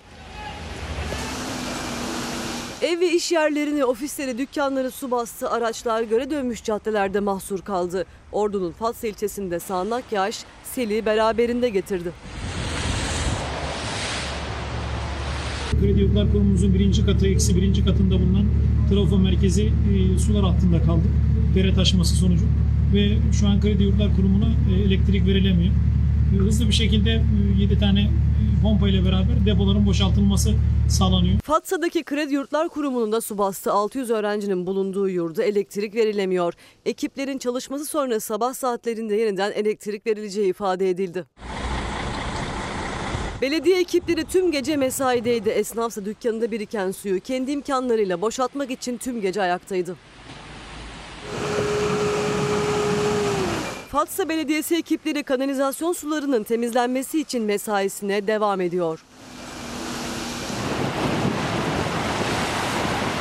Fırtına uyarısı da vardı dün Marmara ve Kuzey Ege için Erdek ilçesinde Tekirdağ ve Marmara Adası arabalı vapur seferleri iptal edildi. Tüm gün kara bulutlarla, aralıklı yağışlarla, kuvvetli rüzgarlarla geçti. Kış turizminin en önemli noktalarından Erciyes'te kar yağışı etkili olduğu zirvede kar kalınlığı 30 santimi buldu. Meteoroloji bugün Artvin, Rize ve Trabzon için uyardı. Bölgelerde şiddetli yağış bekleniyor. Ani sel ve su baskınlarına karşı dikkatli olunmalı. Yeniden ekonomi bütçeye bakacağız. Yani ek vergiler getirildi. O ek vergilerle biraz olsun nefes alır mıyız diye düşünüldü. E ne oldu? Ek vergiler de kurtarmadı. Bütçe yeniden açık verdi. Ocak-Eylül döneminde bütçe açığı 512.6 milyar TL. Orta vadeli programa göre 2023 yılı için bütçe açığı tahmini 1.6 trilyon liraydı. Yılın ilk 9 ayındaki bütçe açığı 512.6 milyar oldu. Kalan 3 ayda her ay için 350 milyar liranın üzerinde bir açık söz konusudur. E bu açık nasıl kapatılacak dediğimizde ya vergiler arttırılacak, ya borçlanılacak ya da para basılacaktır. Ama günün sonunda hangisi olursa olsun bunun yükünü, bunların yükünü yine vatandaş sırtlayacak, yine vatandaş ödeyecek. Yılın ilk 9 ayında 2 trilyon 982 milyar lira vergi toplanmıştır. Baktığımızda yine yılın ilk 9 ayında sadece iki dolaylı vergiden, KDV ve ÖTV'den 1 trilyon 596 milyar lira vergi toplanmıştır. Yani yılın ilk 9 ayında toplanan her 100 liralık verginin 53.5 lirası, 53.5 lirası sadece iki dolaylı vergi olan KDV ve ÖTV'den toplanmıştır. Okulların açıldığı Eylül ayında okul mefruşat alımları için harcanan para sadece Eylül ayında 66 milyon lira iken büro mefruşat alımları için harcanan para bunun 7,5 katı yaklaşık 497 milyon liradır. Yani vergilerimizle yapılan harcamalardaki tercihleri ve yönetenlerin tercihlerini görüyoruz aslında. Dolaylı vergilere dayalı bir vergi sistemi içerisindeyiz. Adaletsiz ve her geçen gün bu adaletsizlik daha da derinleşmektedir. Yeter artık yeter. Bu çağda susuzluktan mahvolduk. Kokmaya başladık. Yakında bulaşıcı hastalıklar da başlar demiş izleyicimiz. Lütfen Bodrum'un su sıkıntısını duyurun. Barajları kapattılar. İzleyicimiz de Kamuran Nurcan Gür. Oradan Bodrum'dan haber veriyor. Keşan'ı da gösterdik. Bayramiç'i gösterdik. Bodrum'da yaşanan belli. İstanbul'u bekleyen tehlike e, hatırlatıyoruz. Kuraklık konusundaki e, yaşadığımız ya da önümüzdeki günlerde yaşayabileceğimiz tehlikeleri tehlike çanları çalıyor öyle söyleyelim.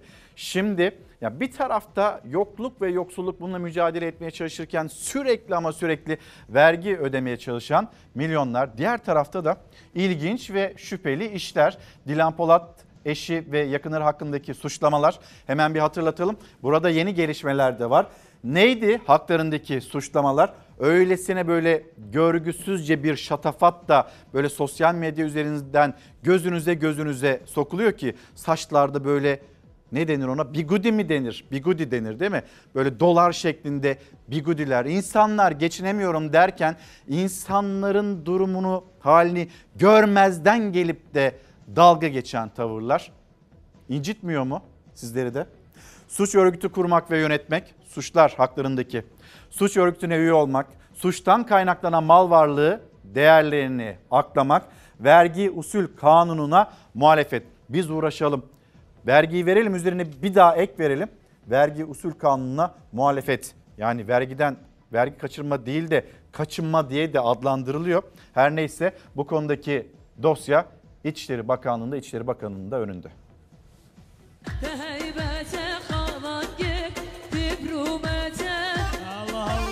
Ne iş yapıyorsunuz? Kocamın karısıyım.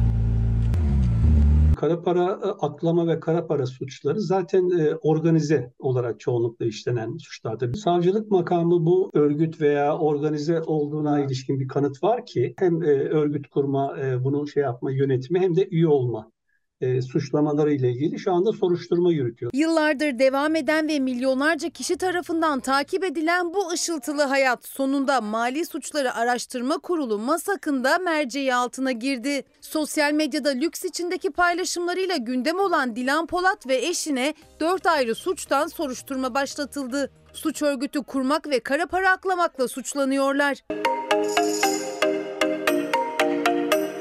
Masak öncesinde bir aklama suçu var mı e, şeklinde bir e, incelemeyi yürütmüş.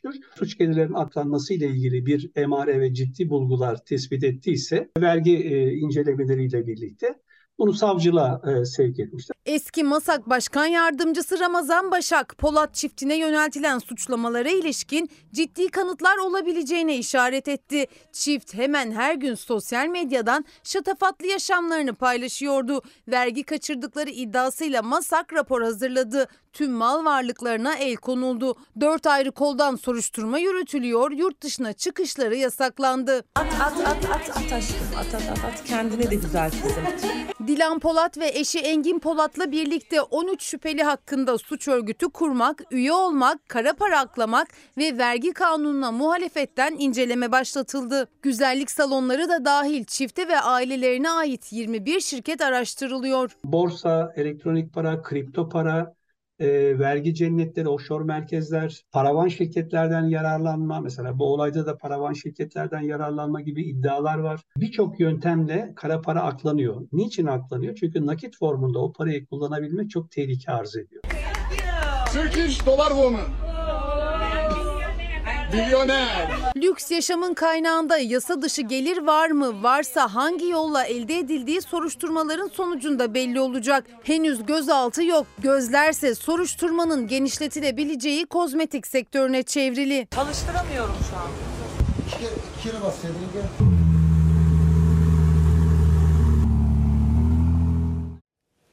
İddialar var haklarında araştırılıyor. Biz de takibini yapıyoruz. Peki emeklimiz nerede? Emeklimiz de biber tarlasında. Ne diyorlar? 500 liraya 10 saat çalışıyoruz. Pazardan 2 kilo bir şey almakta zorlanıyoruz. Çünkü bu milletin hepsi şu anda aç. Buraya gelenler yani varlığından gelmiyor, açlığından geliyor kuzan buraya. Emekli misin? Emekliyim. 7500 lira alıyorum. Memnun musun 7 bin lira? Değilim. 13 sene yer altında durdum. Yer altında emekliyim. 7500 lira bizim hakkımız mı? 5000 metre yerin altında çalıştım ben. 13 sene. Emekli olmuş devlet madeninden adam 20 bin lira alıyor şu anda. 17 bin lira alıyor. Ben yer altından aynı benle bir aynı mesai yapıyoruz. Aynı yılı çalışıyoruz. Ben alıyorum 7 bin lira maaş. Emekliyiz ama yedi buçuk lira ne, ne ve geçineceğim bu devirde. Hayatta geçinilmez yani. Her şey pahalı. Onun için çalışıyoruz yani ne bulduk çalışıyoruz. 100 lira 500 lira hiç fark etmiyor. Devamlı çalışıyoruz. Bir gün çalıştığımız yövmeyle bir tane tüp alamıyoruz. İki günlükten bir pazarımızı zor görüyoruz. Yani hayat şartları çok zor. Ben iki tane çocuk okutuyorum kardeşim. Yok yet- yetişmiyor hiçbir şey yetişmiyor. İşte emeklinin hali hiçbir şeye yetişmiyor. Pazara gidiyorsunuz yetmiyor. Süt ve süt ürünü almak istiyorsunuz onlar zamlandı. Her gün her şeye zam geliyor. Motorine zam geldi. Yine sebzeye meyveye zam gelecek. Nakliyeler sebebiyle. Sinem Hanım günaydın. X'ten göndermiş mesajını. Depremzede atanamayan atanmayan öğretmenler olarak mağduriyetimiz ortada. Yeter artık yeter. Bizi duyun artık sesimizi duyun ve duyurun lütfen demiş. Elbette sizin sesinize de ses katmış olalım. Yerel gazetelere bakalım. İzmir Ege Telgraf gazetesi teklif ediyorum 100 binim var. Evlilik yolunda atılan ilk adım kız isteme geleneğini yerine getirmenin bedeli 100 bin lirayı buldu. Buldu bulmasına ancak bu kadim gelenek unutulmanın eşiğinde yani burada kız isteme böyle bir gelenek 100 bin lira harcamasak mı aileler arasında sade bir törenle mi geçiversek diye yaklaşım. Diyarbakır'a gidelim. Diyarbakır Ekspres gazetesi devlet okulunda ayrımcılık. Diyarbakır'daki bir okulda zengin fakir sınıfı. Diyarbakır'da bulunan Şehit Süleyman İyi Kul Ortaokulu'nun sınıfları özel ve normal olarak ayrıldığı ve özel sınıfa giden çocukların velilerinden ücret alındığı iddiası tepkilerin odağında. Güneydoğu Ekspres'e konuşan İl Milli Eğitim Müdürlüğü yetkilileri iddialara ilişkin soruşturma başlattıklarını duyurdu. Sınıfları ayırmışlar iddiaya göre. Özel sınıf, özel öğrenciler, normal sınıf, normal öğrenciler ya da özel sınıf para verebilen veliler, normal sınıf dar gelirli veliler. Peki nerede eğitimde fırsat eşitliği? Milli Eğitim Bakanlığı İl Milli Eğitim Müdürlüğü soruşturma başlatmış. Antalya Alanya, Alanya gazetesi manşet limonu bitiren de bitti.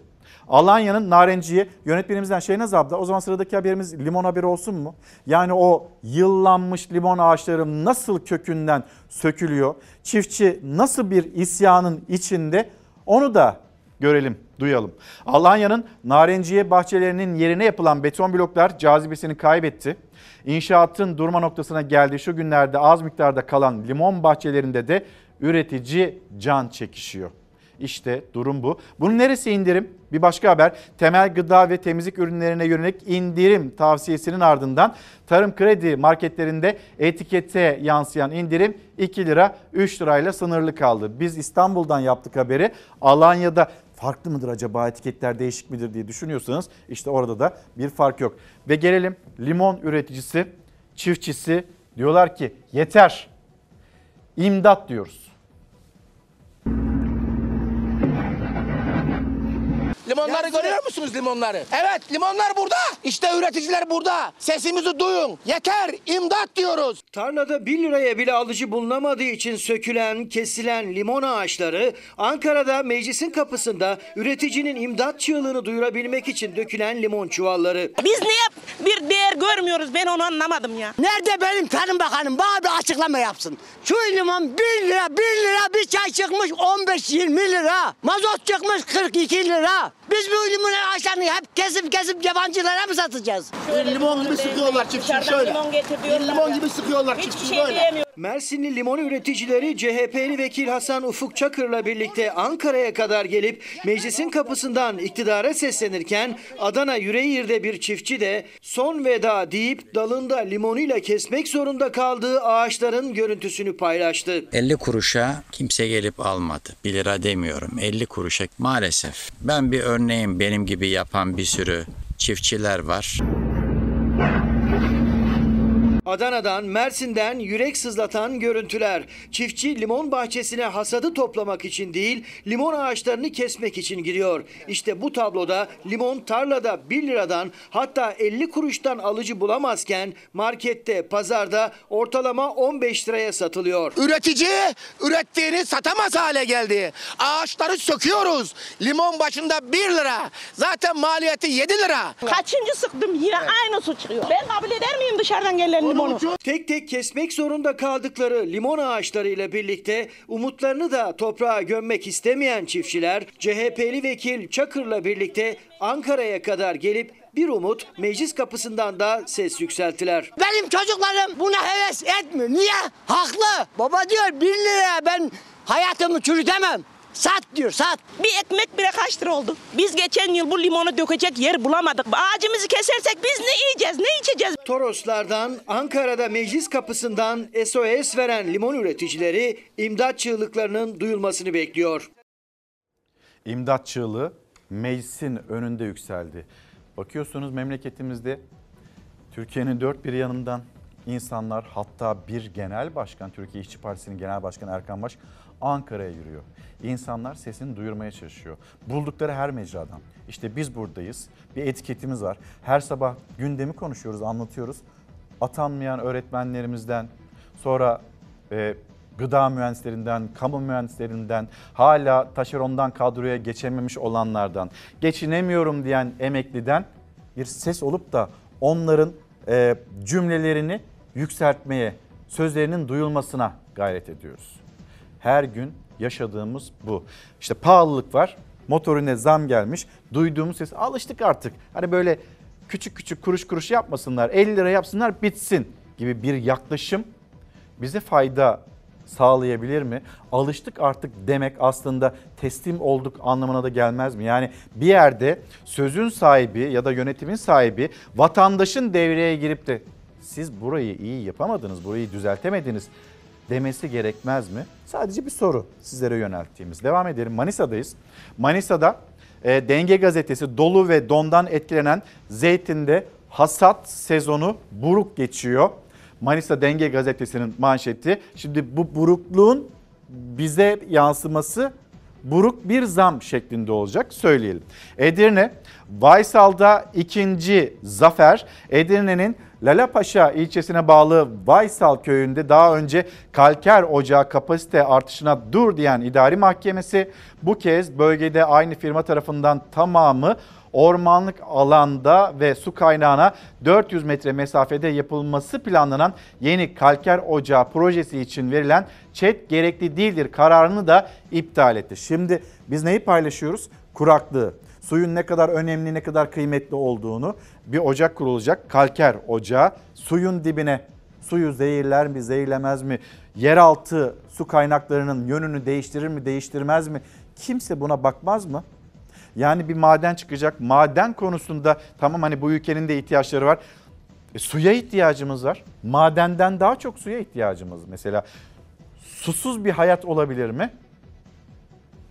Bu kararlar verilirken neyse ki yargıdan çıkan karar güzel, memnuniyet verici ve bir zafer haberi olarak da gazetenin manşetinde yer alıyor. Döneceğimiz yer İstanbul Kadıköy olacak. İstanbul Kadıköy'de işlenen bir cinayet. Cinayetin gerekçesi de sözlü tartışma, laf atma cinayeti.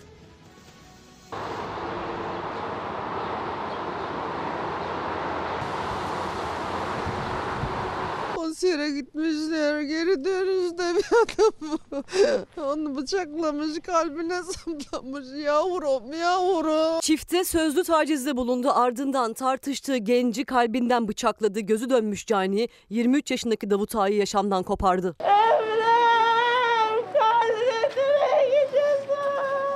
Buraya ona sürpriz yapmaya geldim. Toprağa verdim gidiyorum. Kız arkadaşı sürpriz yapmış Almanya'dan gelmişti. Genç çift İstanbul Kadıköy'de birlikte konsere gitti. Dönüşte yolda el ele mutlulukla yürüyorlardı ta ki o caniyle karşılaşana kadar. 23 yaşındaki Davut Ağa kız arkadaşına atılan lafı duydu. 56 yaşındaki Ali Kaya tepki gösterdi. Tartışma çıktı. Kız arkadaşı onu sakinleştirmeye çalıştı. Kavga etmesini engellemek istedi ancak saldırgan tahriklerine devam etti.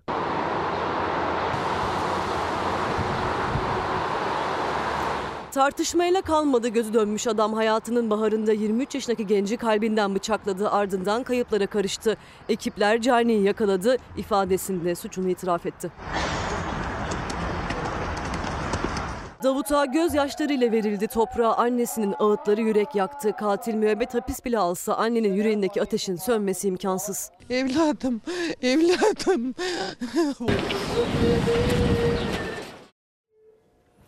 Yine çok acı bir haberdi. Allah rahmet eylesin. Çanakkale Biga'nın Sesi gazetesi Bigalı balıkçılar ümidi kestiler.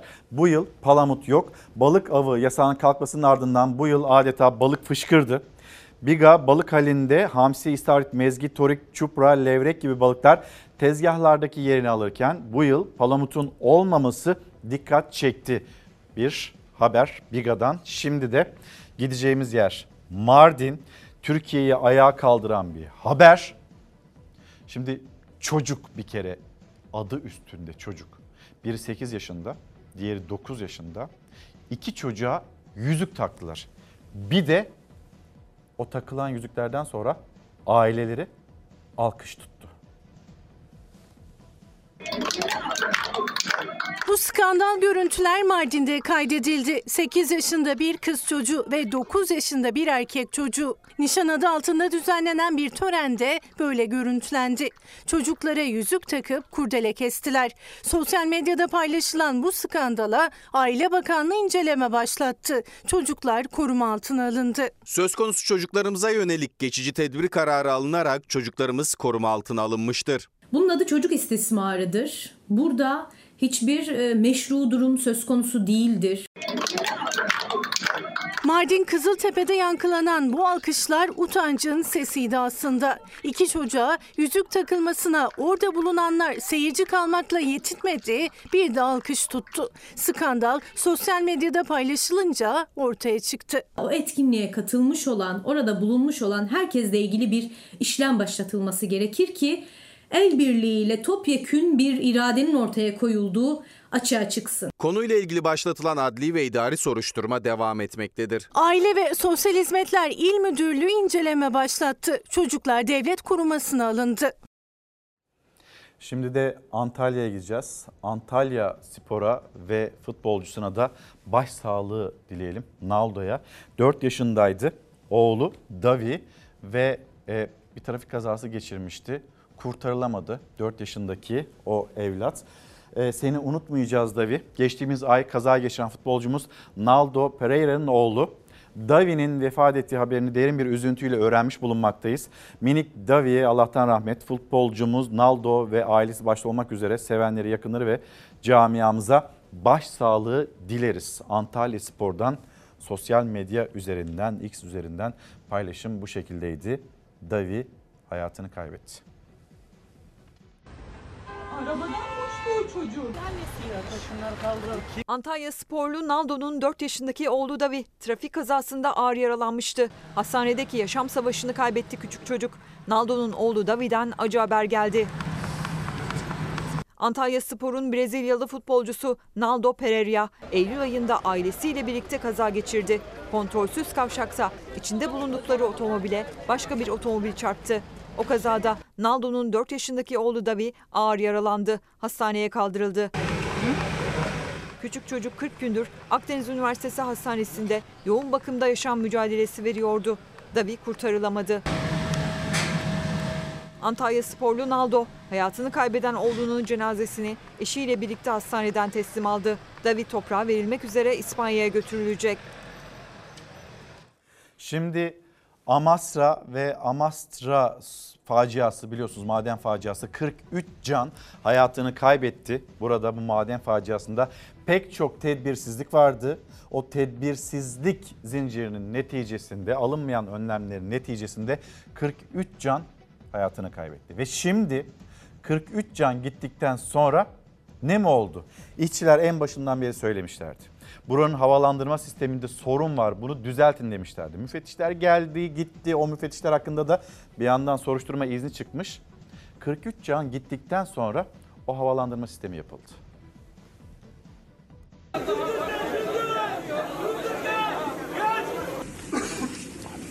Tanık madenciler anlattı bu kez. Üretim baskısı üst seviyedeydi. İş güvenliğindense az işçiyle çok kömür üretimi isteniyordu. Acil eylem planı da bize gösterilmedi dediler mahkemede. Müfettişlerin yargılanması için Danıştay'dan izin çıktı.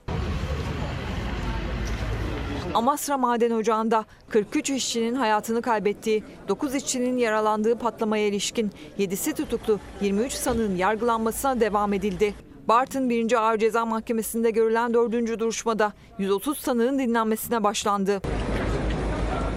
Facianın tanığı işçiler 320 kotunda sürekli bir gaz sızıntısı olduğunu, durumu bildirmelerine rağmen önlem alınmadığını söyledi. Havalandırmanın yetersizliğinden bahsettiler mahkemede. Üretim baskısına maruz kaldıklarından da. Acil durumlarda nasıl hareket edeceğimize ilişkin acil eylem planı da bize gösterilmedi dediler. Bu insanların bu insanların bir nebze olsun acılarını hafifletecek bir şey varsa o da gerçekten tüm sorumluların bu yargı önünde bu yargı önünde hak ettiği cezayı almasıdır. Sinyalci maden işçisi ise maske eğitimlerinin yüzeysel yapıldığını, ihtiyaç halinde kendisinin dahi açamadığını söyledi. İlk celsede 27 tanığın dinlendiği duruşmaya bugün devam edilecek. Danıştay ise Çalışma ve Sosyal Güvenlik Bakanlığı'na bağlı iki iş müfettişi hakkında soruşturma izni verdi. Şimdi bir adalet arayışı var. Her yerde adliye koridorlarında işte ne bileyim ev sahibi kiracıyla davalı ya da pek çok anlaşmazlık e, durumu var.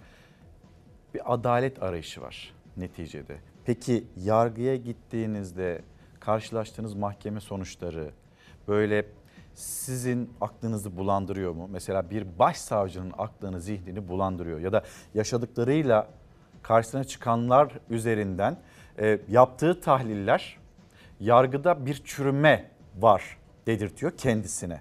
Şimdi bu iddialar araştırılacak elbette. HSK'ya bir mektup gönderdi. Başsavcı rüşvet iddialarını sıraladı ve 81 ilin baro başkanından da her türlü şüphe aydınlatılmalı çağrısı geldi. Bir bakalım Baro başkanları ne söyledi? Yargının işleyişinde etik ilkelerin gözetildiğinin görülmesi, yurttaşların yargıya güvenini artırarak hukukun üstünlüğünü pekiştirecektir.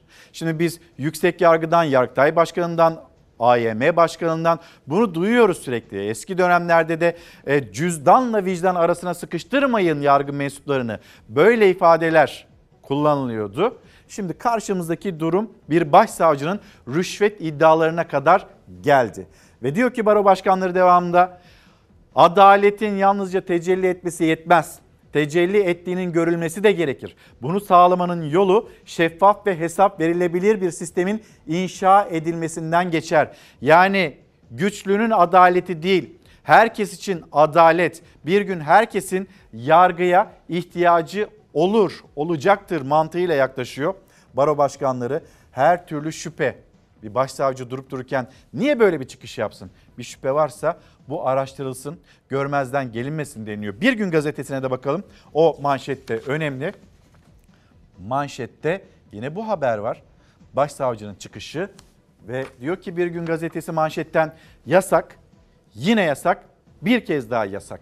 Siyasallaşan yargı bir kez daha gerçekleri ve sorumluları ortaya çıkarmak yerine örtüyor bir günün rüşvet çarkı haber için verilen içerik çıkarma haberlerine de yasak getirildi. Yasak, yine yasak, bir kez daha yasak. Peki bu yasakların sonunda ne olacak? Bir şeyin üstü örtülmesin diye baro başkanlarının da sesini duydunuz. Cümlelerini ekranlarınıza getirdik. Yargı içindeki çürümeyi gösteren kurum içi acı bir ifşa ile karşı karşıyayız. Uyuşturucu gibi kötü bir melaneti hoş gören, örgüt elebaşlarını yeni suç işleyeceklerini bile bile yargılama bile yapmadan salıveren, çalışma arkadaşlarımız üzerinde korku imparatorluğu oluşturup mobbinge maruz bırakan, yargılamayı etkilemeye teşebbüs eden, örgütlü ya da örgütsüz bu yapıların çökertilmesi için gereğinin yapılması yüksek takdirlerinize arz olunur. HSK'ya göre düşüyor. HSK bir an evvel soruşturmayı açmalı ve bir temiz eller operasyonu adliyede başlatılmalıdır. İstanbul Anadolu Cumhuriyet Başsavcılığınca Hakimler ve Savcılar Kurulu'na gönderilen ihbar dilekçesinde bahsedilen iddialarla ilgili olarak HSK ilgili dairesince gerekli inceleme ve soruşturma başlatılmış olup verilen inceleme ve soruşturma izni üzerine HSK Teftiş Kurulunca müfettiş görevlendirilmiştir. İstanbul Anadolu Cumhuriyet Başsavcısı İsmail Uçar Hakimler Savcılar Kurulu'na yargıda rüşveti bir mektupla şikayet etti. Adalet Bakanı o iddialarla ilgili soruşturma başlatıldığını, müfettiş görevlendirildiğini açıkladı. Hiçbir suç karşılıksız kalmaz, kimsenin şüphesi olmasın dedi. Yargı içindeki çürümeyi gösteren kurum içi acı bir ifşa ile karşı karşıyayız. Somut delillerle ortaya konulan ve suç teşkil eden hiçbir iş ve eylem karşılıksız kalmayacaktır. Bundan hiç kimsenin şüphesi olmasın. Bu hem bir itiraf hem de ihbardır. Siyasi baskı vardı.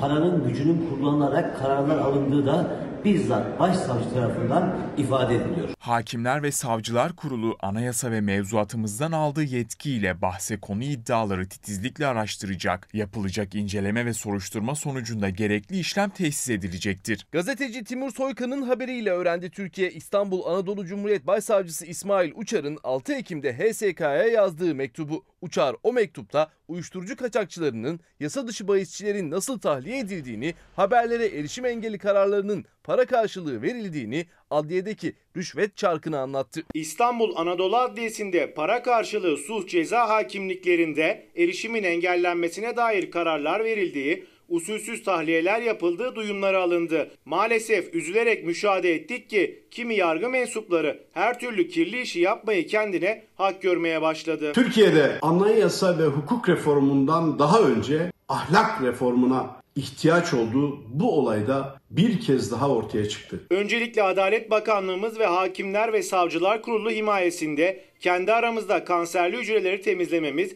gerekirse yargı içinde oluşmaya başlayan çete ve çetecikleri yok etmek için kemoterapi uygulayıp kanserli hücreyi toptan yok etmemiz gerekmektedir. İçişleri Bakanı Ali Yerlikaya mafyayla, uyuşturucu baronlarıyla mücadele ediyor. Yargı boyutunda da umarım bu ihbar, bu mektup, bu başvuru bir başlangıç olur. İster yargı içinden ister dışından yargı yetkisinin kullanılması ile ilgili olarak yanlış tutum ve davranışlara tevessül edenlere asla müsaade edilmeyecektir. Adalet Bakanı Yılmaz Tunç yanlışa asla müsaade edilmeyecektir dedi. Soruşturmanın başlatıldığını söylediği açıklamasında ancak söz konusu iddialara dair tüm yargı teşkilatının töhmet altında bırakılmamasını istedi. Söz konusu ihbar dilekçesiyle gündeme getirilen bazı iddialarla ilgili olarak genelleme yapıp adaletin tecellisi için fedakarca çalışan yargı teşkilatımızın tüm mensuplarını töhmet altında bırakacak ve adalete güveni zedeleyecek açıklamalar ve yorumlardan kaçınmak gerekir. Deprem bölgesinden sesini duyurmaya çalışan izleyicilerimiz de var. Hem günaydın diyelim hem de başlığımızı hatırlatalım. Yeter artık yeter. Sosyal medya hesaplarımızda, ekranlarınızda Maraş depremi, depremzedelerin eşya ücretleri neden hala buradan bir haber gelmiyor? Ağır hasarlı evler yıkıldı. Eşya nakli yardımlarından neden bir haber yok diye izleyicimiz hatırlatıyor. Günaydın diyen izleyicilerimiz ekonomi maalesef daha iyiye gitmeyecek diye e, dert yanan ve endişelenen izleyicilerimiz var görebildiğim kadarıyla. Sonra 23 yaşındayım bir düğün bile yapamadım her şeyimizi aldılar hayallerimiz dahil diye bir mesaj. Gençler, gençlerle ilgili haberimiz de var. Üniversiteli gençler, onların e, bir taraftan okumaya çalışması, diğer taraftan ailelerine de fazla yük getirmeden o üniversiteyi tamamlama çabaları o da ekranlarınıza gelecek. Fakat 65 yaş üstü büyüklerimiz sizlere de sormak isteriz. Yani burada alınan bir karar var. Özel e, halk otobüsleri dernekleri tarafından. Onlar diyor ki işte bu kadar maliyetler işte arta, artan işte bakım paraları, akaryakıt ücretleri biz taşıyamıyoruz. Ayın ilk 4 gününde 4 gün taşırız. 26 gününde siz bunun parasını, ücretini ödeyin diye bir çıkışları var. Ankara'da bu olmuştu. Ankara'da e, o karar bir şekilde Mansur Başkan'ın Mansur Yavaş'ın devreye girmesiyle geri çekilir gibiydi. Şimdi o rest Türkiye geneline yayıldı. Taşıyamıyoruz diyor özel halk otobüsü dernekleri ve birlikleri. Biz yalnız 65 yaş değil. 4 kalem harici ücretsizleri ayda 4 gün taşıyacağız. Yalnız Ankara'ya mahsus değil bu. Türkiye geneli halk otobüslerinde taşınmayacak. Madem sözleşmeler varsa o kurallara uyacak. Kusura bakmasınlar. Para kazanıyorlarsa bu milletin sırtından millete hizmet etmek zorundalar. Meclisten çıktı bu kanun. Sen kimin kafasını yaşıyor? 21 Eylül'de Ankara Büyükşehir Belediyesi'ni sorumlu tutarak 65 yaş üstü ücretsiz taşıma hizmetini sonlandıran Özel Halk Otobüsçüleri Birliği bu kez o kararı Türkiye geneline taşıdı. Bundan böyle 65 yaş üstü de dahil 18 grup sadece ayın ilk 4 günü bedava binecek özel halk otobüslerine. Ayın geri kalan 26 günü de parayla. 540 metreyi altında kazandım ben. Emekli oldum. Anladın mı? Ciğerlerimi kaybederek oldum. Yeter artık ya. İnsanlarla böyle avucun içinde kediyle fareyle oynadığı gibi oynuyorlar yani. Çok yazık yani. Bizim Türkiye genelinde bu duruma gelmemizin sebebi yerel seçim, genel seçim siyasete alet olduk biz. Türkiye genelinde, Ankara'da demiyorum bakın yalnız. Türkiye genelinde. Zaten aldığımız maaş 7500 lira biz ev otobüsüne gider. Biz ne yiyeceğiz içeceğiz? Bir ev kirası olmuş 10 lira 15 lira. Bir de iyi otobüse para veren ben 65 yaşındayım. Adalet madalet yok ya yok. Maliyet artışlarından belediye mi sorumlu? Değil. Ücretsiz taşımayla ilgili çözecek makam bakanlık. Maliyet artışlarını gerekçe göstererek Ankara Büyükşehir Belediyesi'ni eleştiren, sadece Ankara'da ücretsiz taşımayı sonlandıran ancak geri adım atmak zorunda kalan Özel Halk Otobüsçüleri Birliği bu kez Aile Bakanlığı'nın yasal olarak ödediği gelir desteğinin yetmediğini söyleyerek tüm Türkiye'de ücretsiz taşımaya kısıtlama getirdi. Emekliler yani aldığı ücretle nasıl olacak? Yasa vermişler kullanacağız. Özel Halk Otobüsleri Birliği'nin aldığı karara göre yalnızca 65 yaş üstü vatandaşlar değil 18 farklı grupta ücretsiz taşımadan yalnızca 4 gün faydalanabilecek.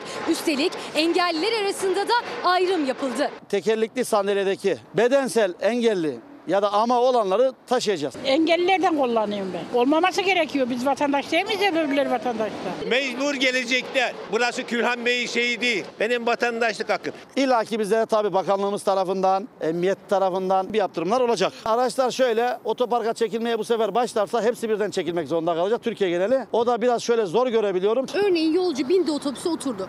Oturdu onu mecbur götüreceğiz. Normalde bakarsanız görevimiz götürmek. Mansur Yavaş kanuna ve yönetmeliğe aykırı bir şekilde ücretsiz ulaşım hakkını kullandırmayan otobüsleri parka çektirmişti. Özel Halk Otobüsleri Birliği Başkanı tüm Türkiye'de parka çekmek biraz zor dedi. Şehit yakınları, gaziler, basın ve emniyet mensupları dışındakiler sadece ayın ilk 4 günü kullanabilecek yasal haklarını. Şimdi gözler yasaya aykırı bu uygulama için bakanlığın vereceği kararda.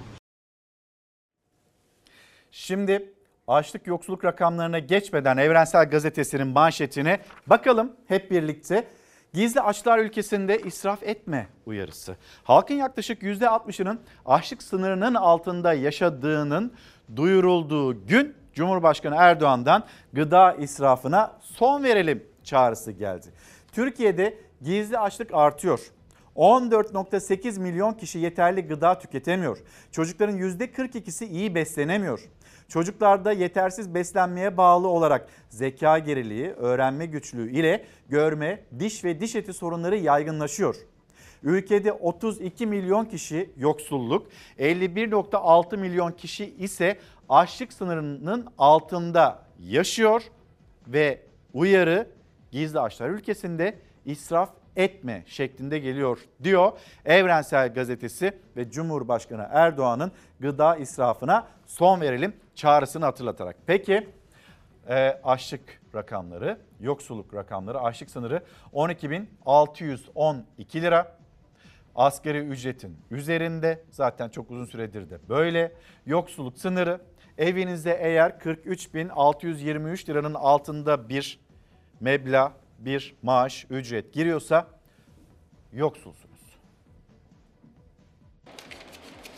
Emekli ne kadar alıyor? Ondan geçiniyoruz. Bakıyorum şu anda mesela üstüme kıyafet alacağım bir şey alamıyorum. Sadece bir ayda açlık sınırı 578 lira, yoksulluk sınırı ise 1997 lira arttı. Açlık sınırı 12.612 liraya, yoksulluk sınırı ise 43.000 623 liraya çıktı. Temel ihtiyaçları giderebiliyordu. Şimdi buzdolaplar boş. Araştırmayı Bileşik Metalist Sınıf Araştırmaları Merkezi kısa adıyla BİSAM yaptı. Her ay olduğu gibi Eylül verilerini de açıkladı BİSAM. Valla kısa kısa yani mutfak masrafı yani. iki parça bir şey alıyorsun 300-400 lira tutuyor ya. Emekliyim yani. En düşük emekli maaşı 7500 lira. Milyonlarca emekli bu ücretle geçim mücadelesi veriyor her ay. Asgari ücretliler de 11402 lirayla geçinmeye çalışıyor.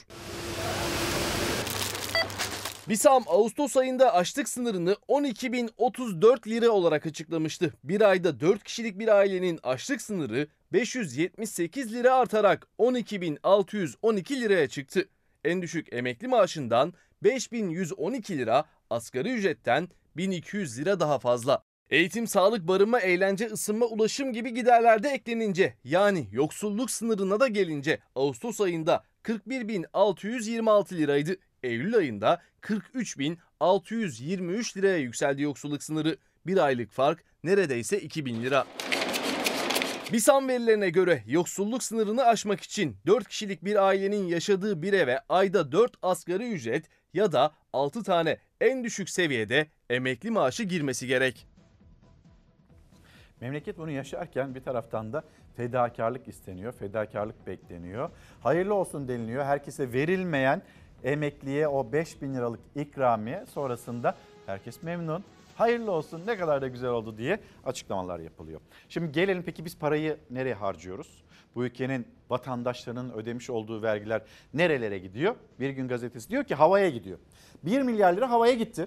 AKP iktidarı tasarruf genelgesine rağmen harcamalarında hız kesmedi. Bütçe Eylül'de yeniden açık verdi. Açığın en büyük kaynağı ise cari transferler, personel giderleri ve faiz harcamaları. Hazine ve Maliye Bakanlığı'nın verilerine göre merkezi yönetim bütçesi Eylül'de 129.2 milyar lira açık verdi.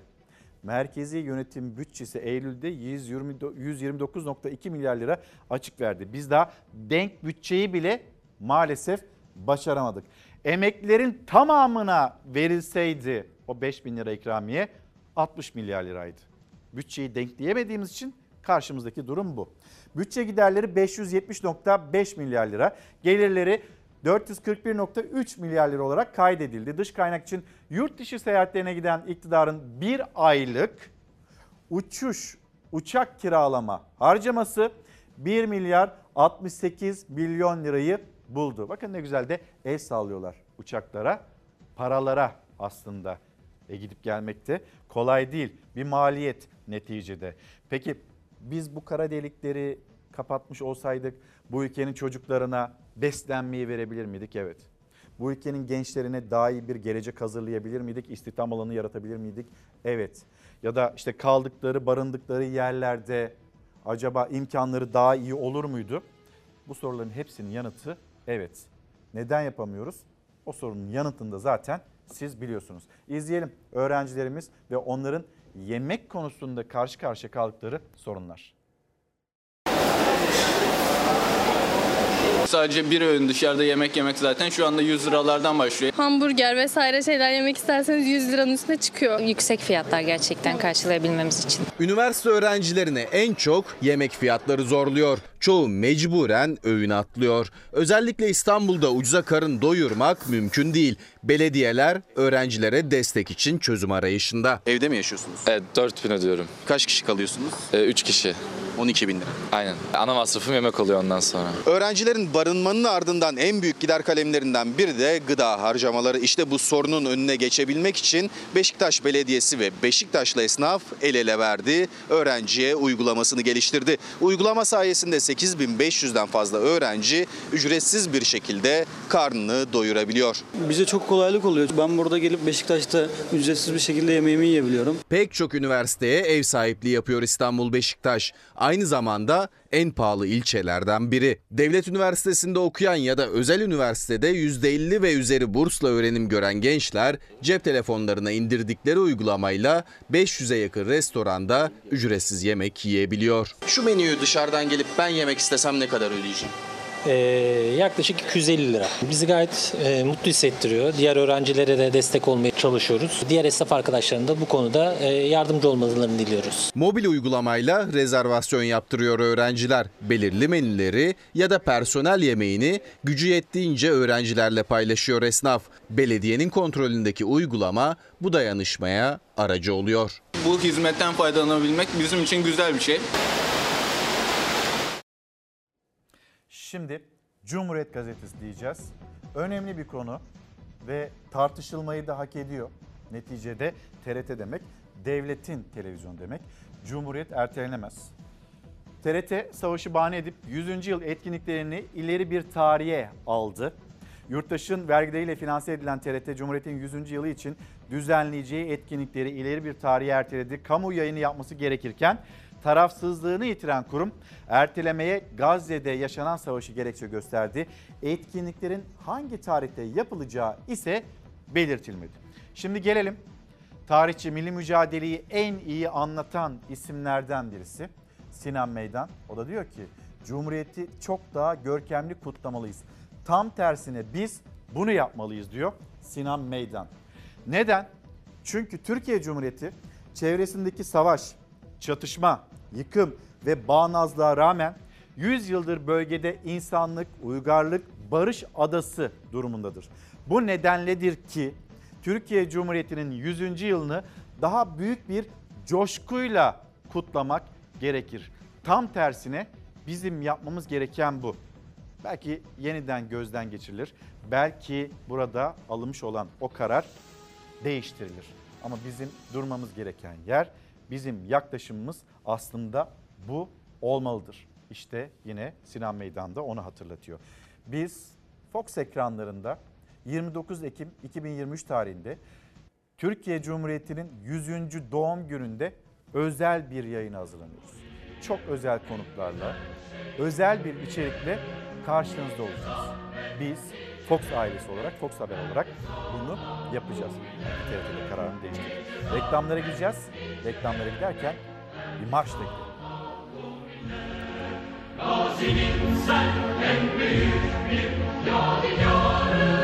bana Nice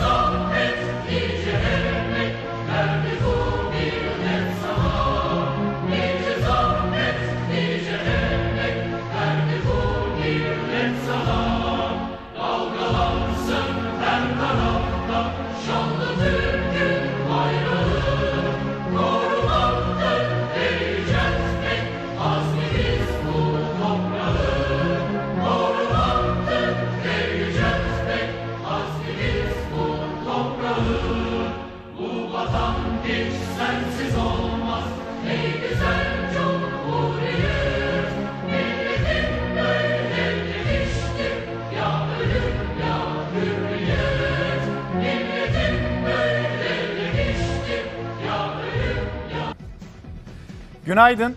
Türkiye ve dünyanın gündemiyle devam ediyoruz. İsrail-Hamas savaşında 11. güne girildi. Sivillerin üzerine bomba yağmaya devam ediyor.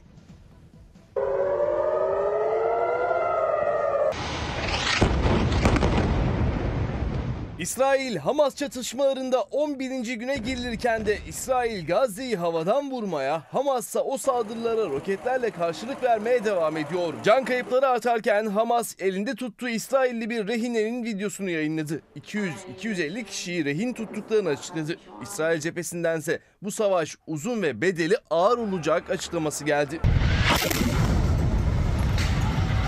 Gazze'de 11 gündür süren saldırılarda can kaybı 2800'ü geçti. Hayatını kaybedenlerin 750'si çocuk. Filistin yönetimine göre yıkılan binaların enkazında da binden fazla ceset var.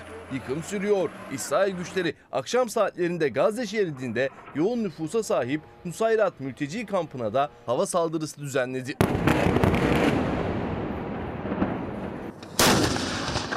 Gözler İsrail'in başlayacağını duyurduğu kara harekatında. Harekat öncesi sivillerin zorunlu göçü sürüyor. Şu ana kadar 600 bin kişi Gazze şeridinin kuzeyini terk etti. İsrail ise sürekli harekatı öteliyor. Son gerekçe bölgedeki hava koşulları. Ancak İsrail medyasına göre asıl neden askerlerin harekatı istememesi. אני מבקש ממך לא לסיים עד שאנחנו לא מוצאים פתרון לביטחון. İsrail kamuoyunda da harekat karşıtlığı öne çıkmaya başladı. Hükümet üyeleri gittikleri her yerde sert tepkilerle karşılaşıyor.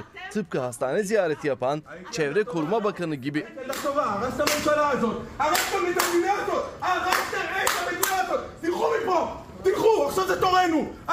İsrail'de kalabalık bir kesim hükümete karşı sokakta gösterilere katılımı artıyor. Hedeflerinde Başbakan Netanyahu var.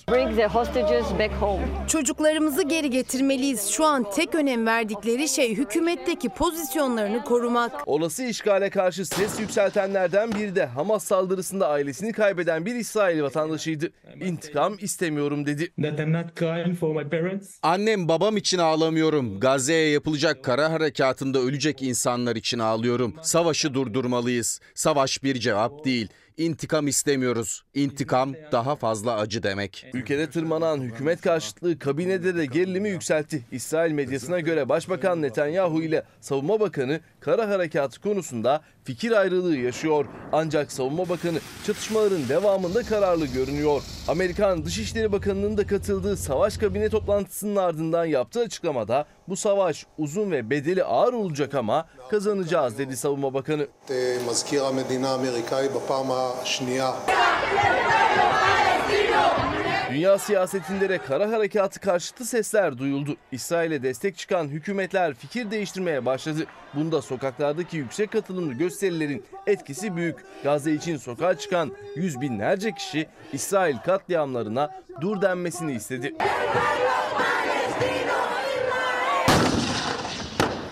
İsrail-Lübnan sınırında da gerginlik dorukta. Hizbullah, İsrail askerlerine yönelik saldırı görüntüleri yayınladı. Karşılıklı çatışmalar aralıklarla sürerken İsrail sınıra yakın 28 köyü boşaltma kararı aldı. İsrail ordusunun Lübnan'a yönelik topçu saldırıları akşam saatlerinde de sürdü. Tansiyonu düşürme girişimleri hızlandı. İran Dışişleri Bakanı'nın savaş cephesinin genişleyebileceği çıkışı sonrası Cumhurbaşkanı Erdoğan, İran lideri reisiyle görüştü. İki lider bölgede artan gerilim ve çözüm yollarını konuştu. Erdoğan, İngiltere Başbakanı Rishi Sunak ve Yunanistan Başbakanı Mitsotakis'le de bölgede yaşanan gelişmeleri görüştü. Dışişleri Bakanı Hakan Fidan da Orta Doğu'da yanan o ateşi söndürmek için temaslarını arttırdı. Bakan Fidan, Hamas'ın siyasi büro başkanı Heniye ile rehinelerin serbest bırakılması için telefonda görüştü. Fidan'ın bugün Lübnan'a ardından da Suudi Arabistan'a gideceği öğrenildi. Bu arada Amerika'nın ikinci uçak gemisi de Akdeniz yolunda sular ısınırken Türk Deniz Kuvvetleri 16-20 Ekim için Akdeniz'de Navtex yayınladı. Kıbrıs açıklarında atış eğitimi yapılacağını duyurdu. Şimdi geceden bir haber 26 aracın karıştığı zincirleme trafik kazası.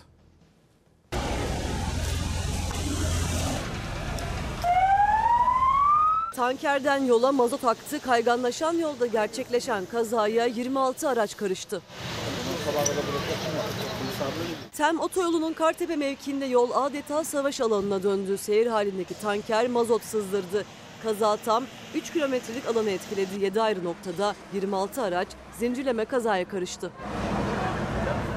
Kazada ikisi ağır tam 13 kişi yaralandı. Araçlarında sıkışan insanlar itfaiye ekiplerinin müdahalesiyle çıkarıldı.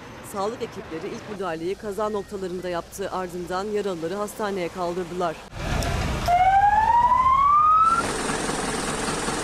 Çorum'da ise bir kişi aracın direksiyon hakimiyetini kaybetti. Hızla seyir halindeki araç reklam panosuna çarptı. Kazada sürücü Erkan Etyemez, Nermin Çıl ve Menşure Yıldız yaşamını yitirdi. 37 yaşındaki sürücü iki çocuk babasıydı. Ekipler kazayla ilgili soruşturma başlattı. 2 kilometreden beri kendisini takip ediyoruz. Makas atarak yola devam ediyordu. İstanbul Tem otoyolunda da trafik güvenliğini hiçe sayanlar zincirleme kazaya sebep oldu. Önce taksiyle minibüs çarpıştı. Hemen arkalarından gelen iki otomobil de onlara çarptı. Görgü tanıklarına göre arkadan gelen araçlardan biri hızlıydı. Sürücü tehlikeli araç kullanıyordu. Zincirleme kaza kaçınılmaz oldu. Kazada iki kişi yaralandı. Yaralıların hayati tehlikesi bulunmuyor. Aşırı hız, dikkatsizlik ve bir viraj faciası. 7 kişi hayatını kaybetmiş, 40 kişi de yaralanmıştı. O kazadan yaralı kurtulanlar o anları anlattı.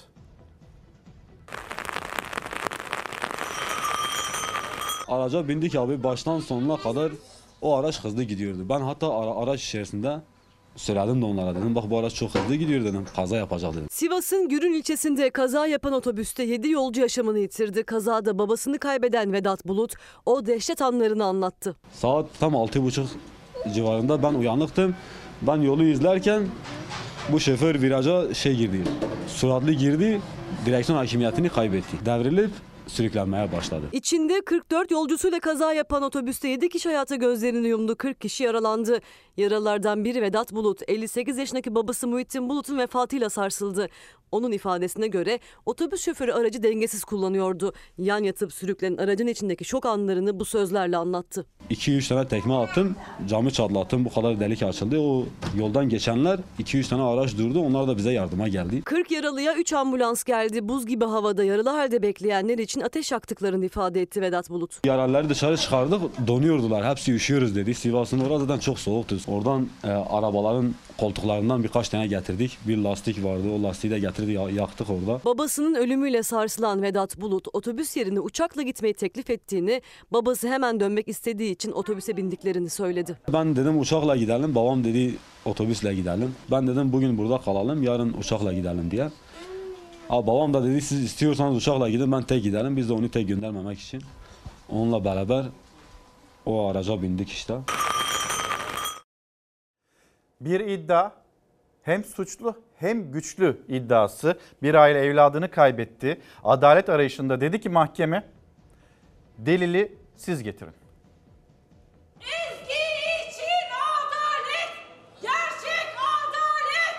Bize 10 günlük bir süreç tanındı. Bizim delil toplamamız için tanınan bir süreçti. Görüntü varsa, video varsa, delil niteliğinde herhangi bir şey varsa bunu toplayıp dosyaya sunmamız için gereken bir süreç olarak ilk zamanlarda yapılacak olan bir sorumluluğu biz şu anda tamamlamaya çalışıyoruz. Mahkeme polisin savcılığın yapması gerekeni bir buçuk yılın sonunda acılı aileden istedi. 17 yaşındaki Ezgi Alya Yiğit'e Nisan 2022'de skuterıyla ilerlerken otomobil çarptı Gaziantep'te. Hayatını kaybetti. Çarpan sürücü ehliyetsizdi. Ezgi'nin ailesi defalarca kamera görüntülerinin emniyetten istenerek dosyaya eklenmesini talep etti. Ancak iddialarına göre delil karartıldı. Çünkü o sürücünün babası ve amcası önemli görevlerde. Mahkeme ise aileden delilleri bulup dosyaya eklemelerini isteyerek davayı erteledi. hard disklerin istiyoruz. Mobeselerin araştırılmasını istiyoruz ve bunların e, siber vasıtasıyla yani bu konuda uzman teknik polis memurları tarafından araştırılmasını istiyoruz. Veri kurtarma uzmanlarına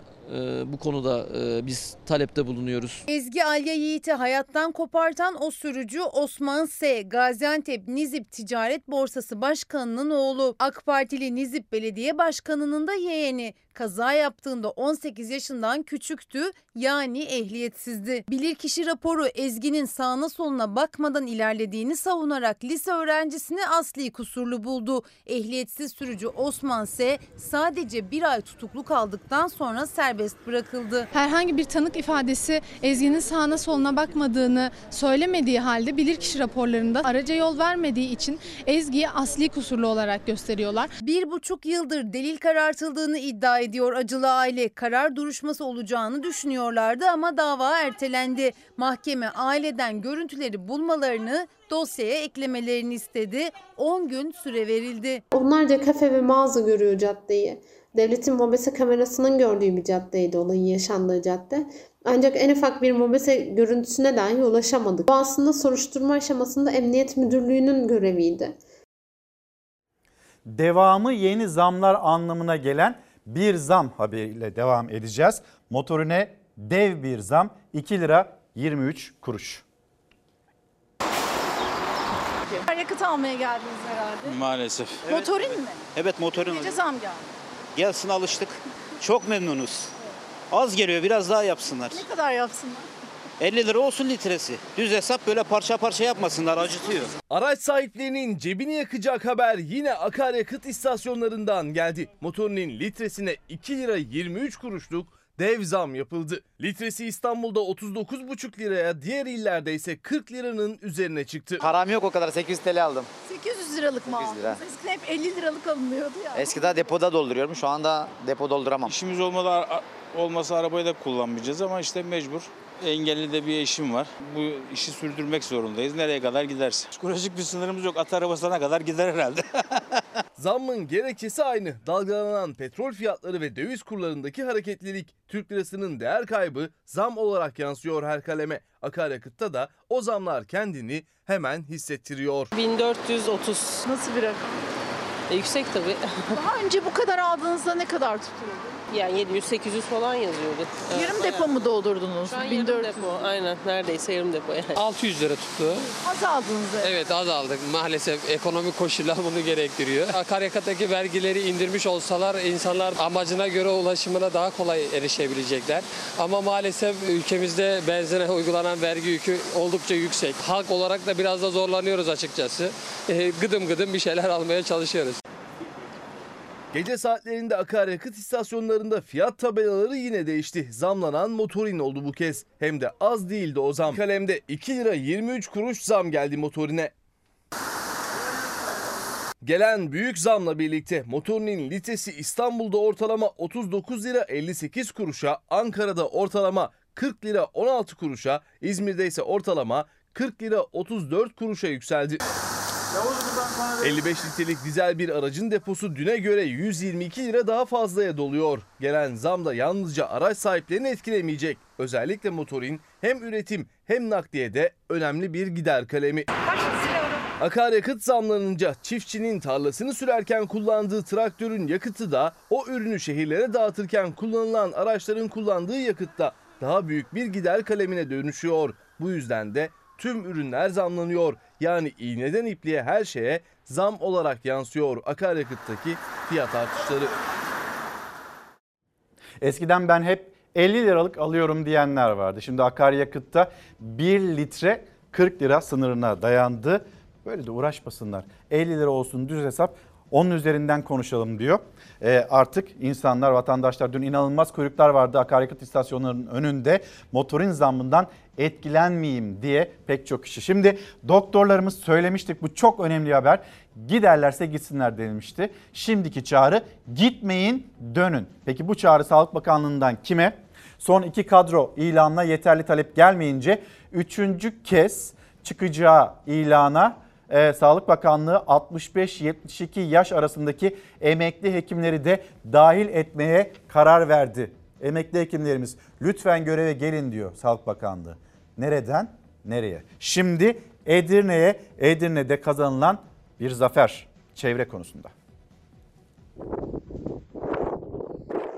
Edirne Valiliğince verilen çevresel etki değerlendirmesi gerekli değildir kararını Edirne İdare Mahkemesi iptal etmiştir. Kapasite artışı için verilen ÇED olumlu raporundan sonra valiliğin ÇED gerekli değildir kararını da mahkeme iptal etti. Kazanan Baysal köylüleri oldu. Köylülerin avukatı Bülent Kaçar, kalker ocağı ve kırma eleme tesisi projesinin bir an önce durdurulmasını istedi. Doğaya ve Vaysal köyüne her gün yapılan bu zulme, bu işkenceye artık dur denmelidir. Edirne'nin Lalapaşa ilçesine bağlı Vaysal köyünde kalker ocağı ve kırma eleme tesisi için şirket kapasite artışı başvurusunda bulunmuş, valilikten çet olumlu raporu alarak alanı düzleştirme çalışmalarına başlamıştı. Köylülerin açtığı davada çet olumlu raporu iptal edilmişti. Çevreyi korumakla yükümlü olan, görevli olan Çevre ve Şehircilik İklim Değişikliği Bakanlığı yetkililerine sesleniyoruz. Yargı kararlarını uygulayın. Edirne İdare Mahkemesi ikinci kez köylüleri haklı buldu.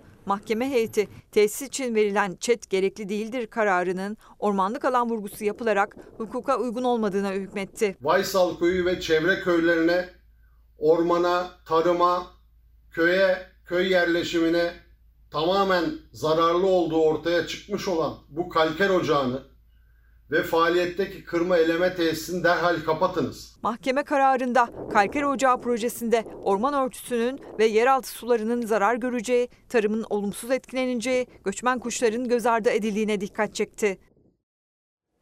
Önemli bir karar, önemli bir çıkış. Zam pazarlığını asgari ücretli masaya oturup hükümete ve işverenlere karşı kendisi yapacak. Türkiye'de şimdiye hiç kurmadığımız şekilde bir komisyon kuracağız. o komisyon ne olacağını ne gideceğini belli edecek. Asgari ücret tespit komisyonunda masaya işçinin, asgari ücretlinin kendisi oturacak. Yaşadığı pahalılığı, geçim derdini anlatacak. Yani kendi zammının pazarlığını işçi kendisi yapacak. İki kadın olacak, iki erkek olacak. Orada ne olması gerekiyorsa orada oturanlar onlar karar verecekler. Sendikacılar da onlara uyacaklar. Onlar geçinemediklerini anlatacaklar. Yeni asgari ücret ne kadar olacak? Ankara'da senaryoları konuşulmaya başladı. Zam oranı %40 olursa net 15.962 lira olacak asgari ücret. %50'yi bulursa 17.103 lira. Daha yukarısını şimdilik telaffuz eden yok. Milyonlarca asgari ücretli tespit komisyonu ve o komisyondan çıkacak ücreti beklerken Türk İş pazarlık masasını yeniden kuracak. Asgari ücretli sendikalarda işçi yok. Sendikanın olduğu yerde işte aile yardımı olur, ikramiye olur, servis olur, yemek olur, bir şey olur. Onun için ona rağmen bunların tamamı 8 milyon işçi sanki bizim üyemiz, ailemizin bir parçası gibi gayret sarf ediyoruz. Allah nasip ederse Kasım ayının 20'sinden sonra yeni bir komisyon kuracağız. İki kadın, iki erkek işçi, bir de sendikadan bir temsilci. Asgari ücretli hükümet ve işverene karşı hakkını, zam talebini kendisi savunacak. Emekten yana olmayanlarla aranıza mesafe koyun. Asgari ücret konusundaki e, yeni adım bu olacak. Gitmeyin dönün çağrısı Sağlık Bakanlığı. Burada bir bilgi de ekleyelim. Aslında biz bunu 2017 yılından beri yapıyoruz diyor Sağlık Bakanlığı. Hatırlatmasıyla şimdi bir mola hemen döneceğiz. Pazar klasiğiniz benden söylemesi başlıyor. Dürüst, samimi ve detaylı haberciliğin adresi benden söylemesinde yine her pazar buluşmaya devam ediyoruz. Tecrübeli gazeteci Meliha Okur, vatandaş kemer sıkacak mı? Fox Haber siyaset ve ekonomi yorumcusu Ozan Gündoğdu Biz gelir sahibinden, servet sahibinden değil tüketimden vergi alıyoruz. Ve tabii ki alanında uzman isimler bizi aydınlatmaya devam edecek. Merve Yıldırım'la Benden Söylemesi yeni sezonuyla 22 Ekim Pazar Efendim günaydın bir kez daha e, noktalıyoruz Çalar Saati. Yarın 7.45'te karşınızda olacağız kapatmadan. 4 kitap daha göstereyim sizlere. O kitaplardan ilki Yaşamak Sevinci, yayımı hazırlayan Sevengül Sönmez, Fikret Ürgüp. Sonra Çok Yalnız Adam, Sedrettin Parlan kitabı bizimle de paylaştı. Teşekkür ederiz. Neslihan Önderoğlu Cüret kitabının ismi. Akdeniz'in ebedi genci Halikarnas balıkçısı Selen Cambazoğlu Metin Erdoğan ve çalışmaları işte ekranlarınızda. Kapatırken her zamanki gibi teşekkürümüz sizlere. Bizi izlediğiniz için teşekkür ederiz. Yarın sabah 7.45'te görüşürüz. Hoşçakalın. Güzel bir gün olsun.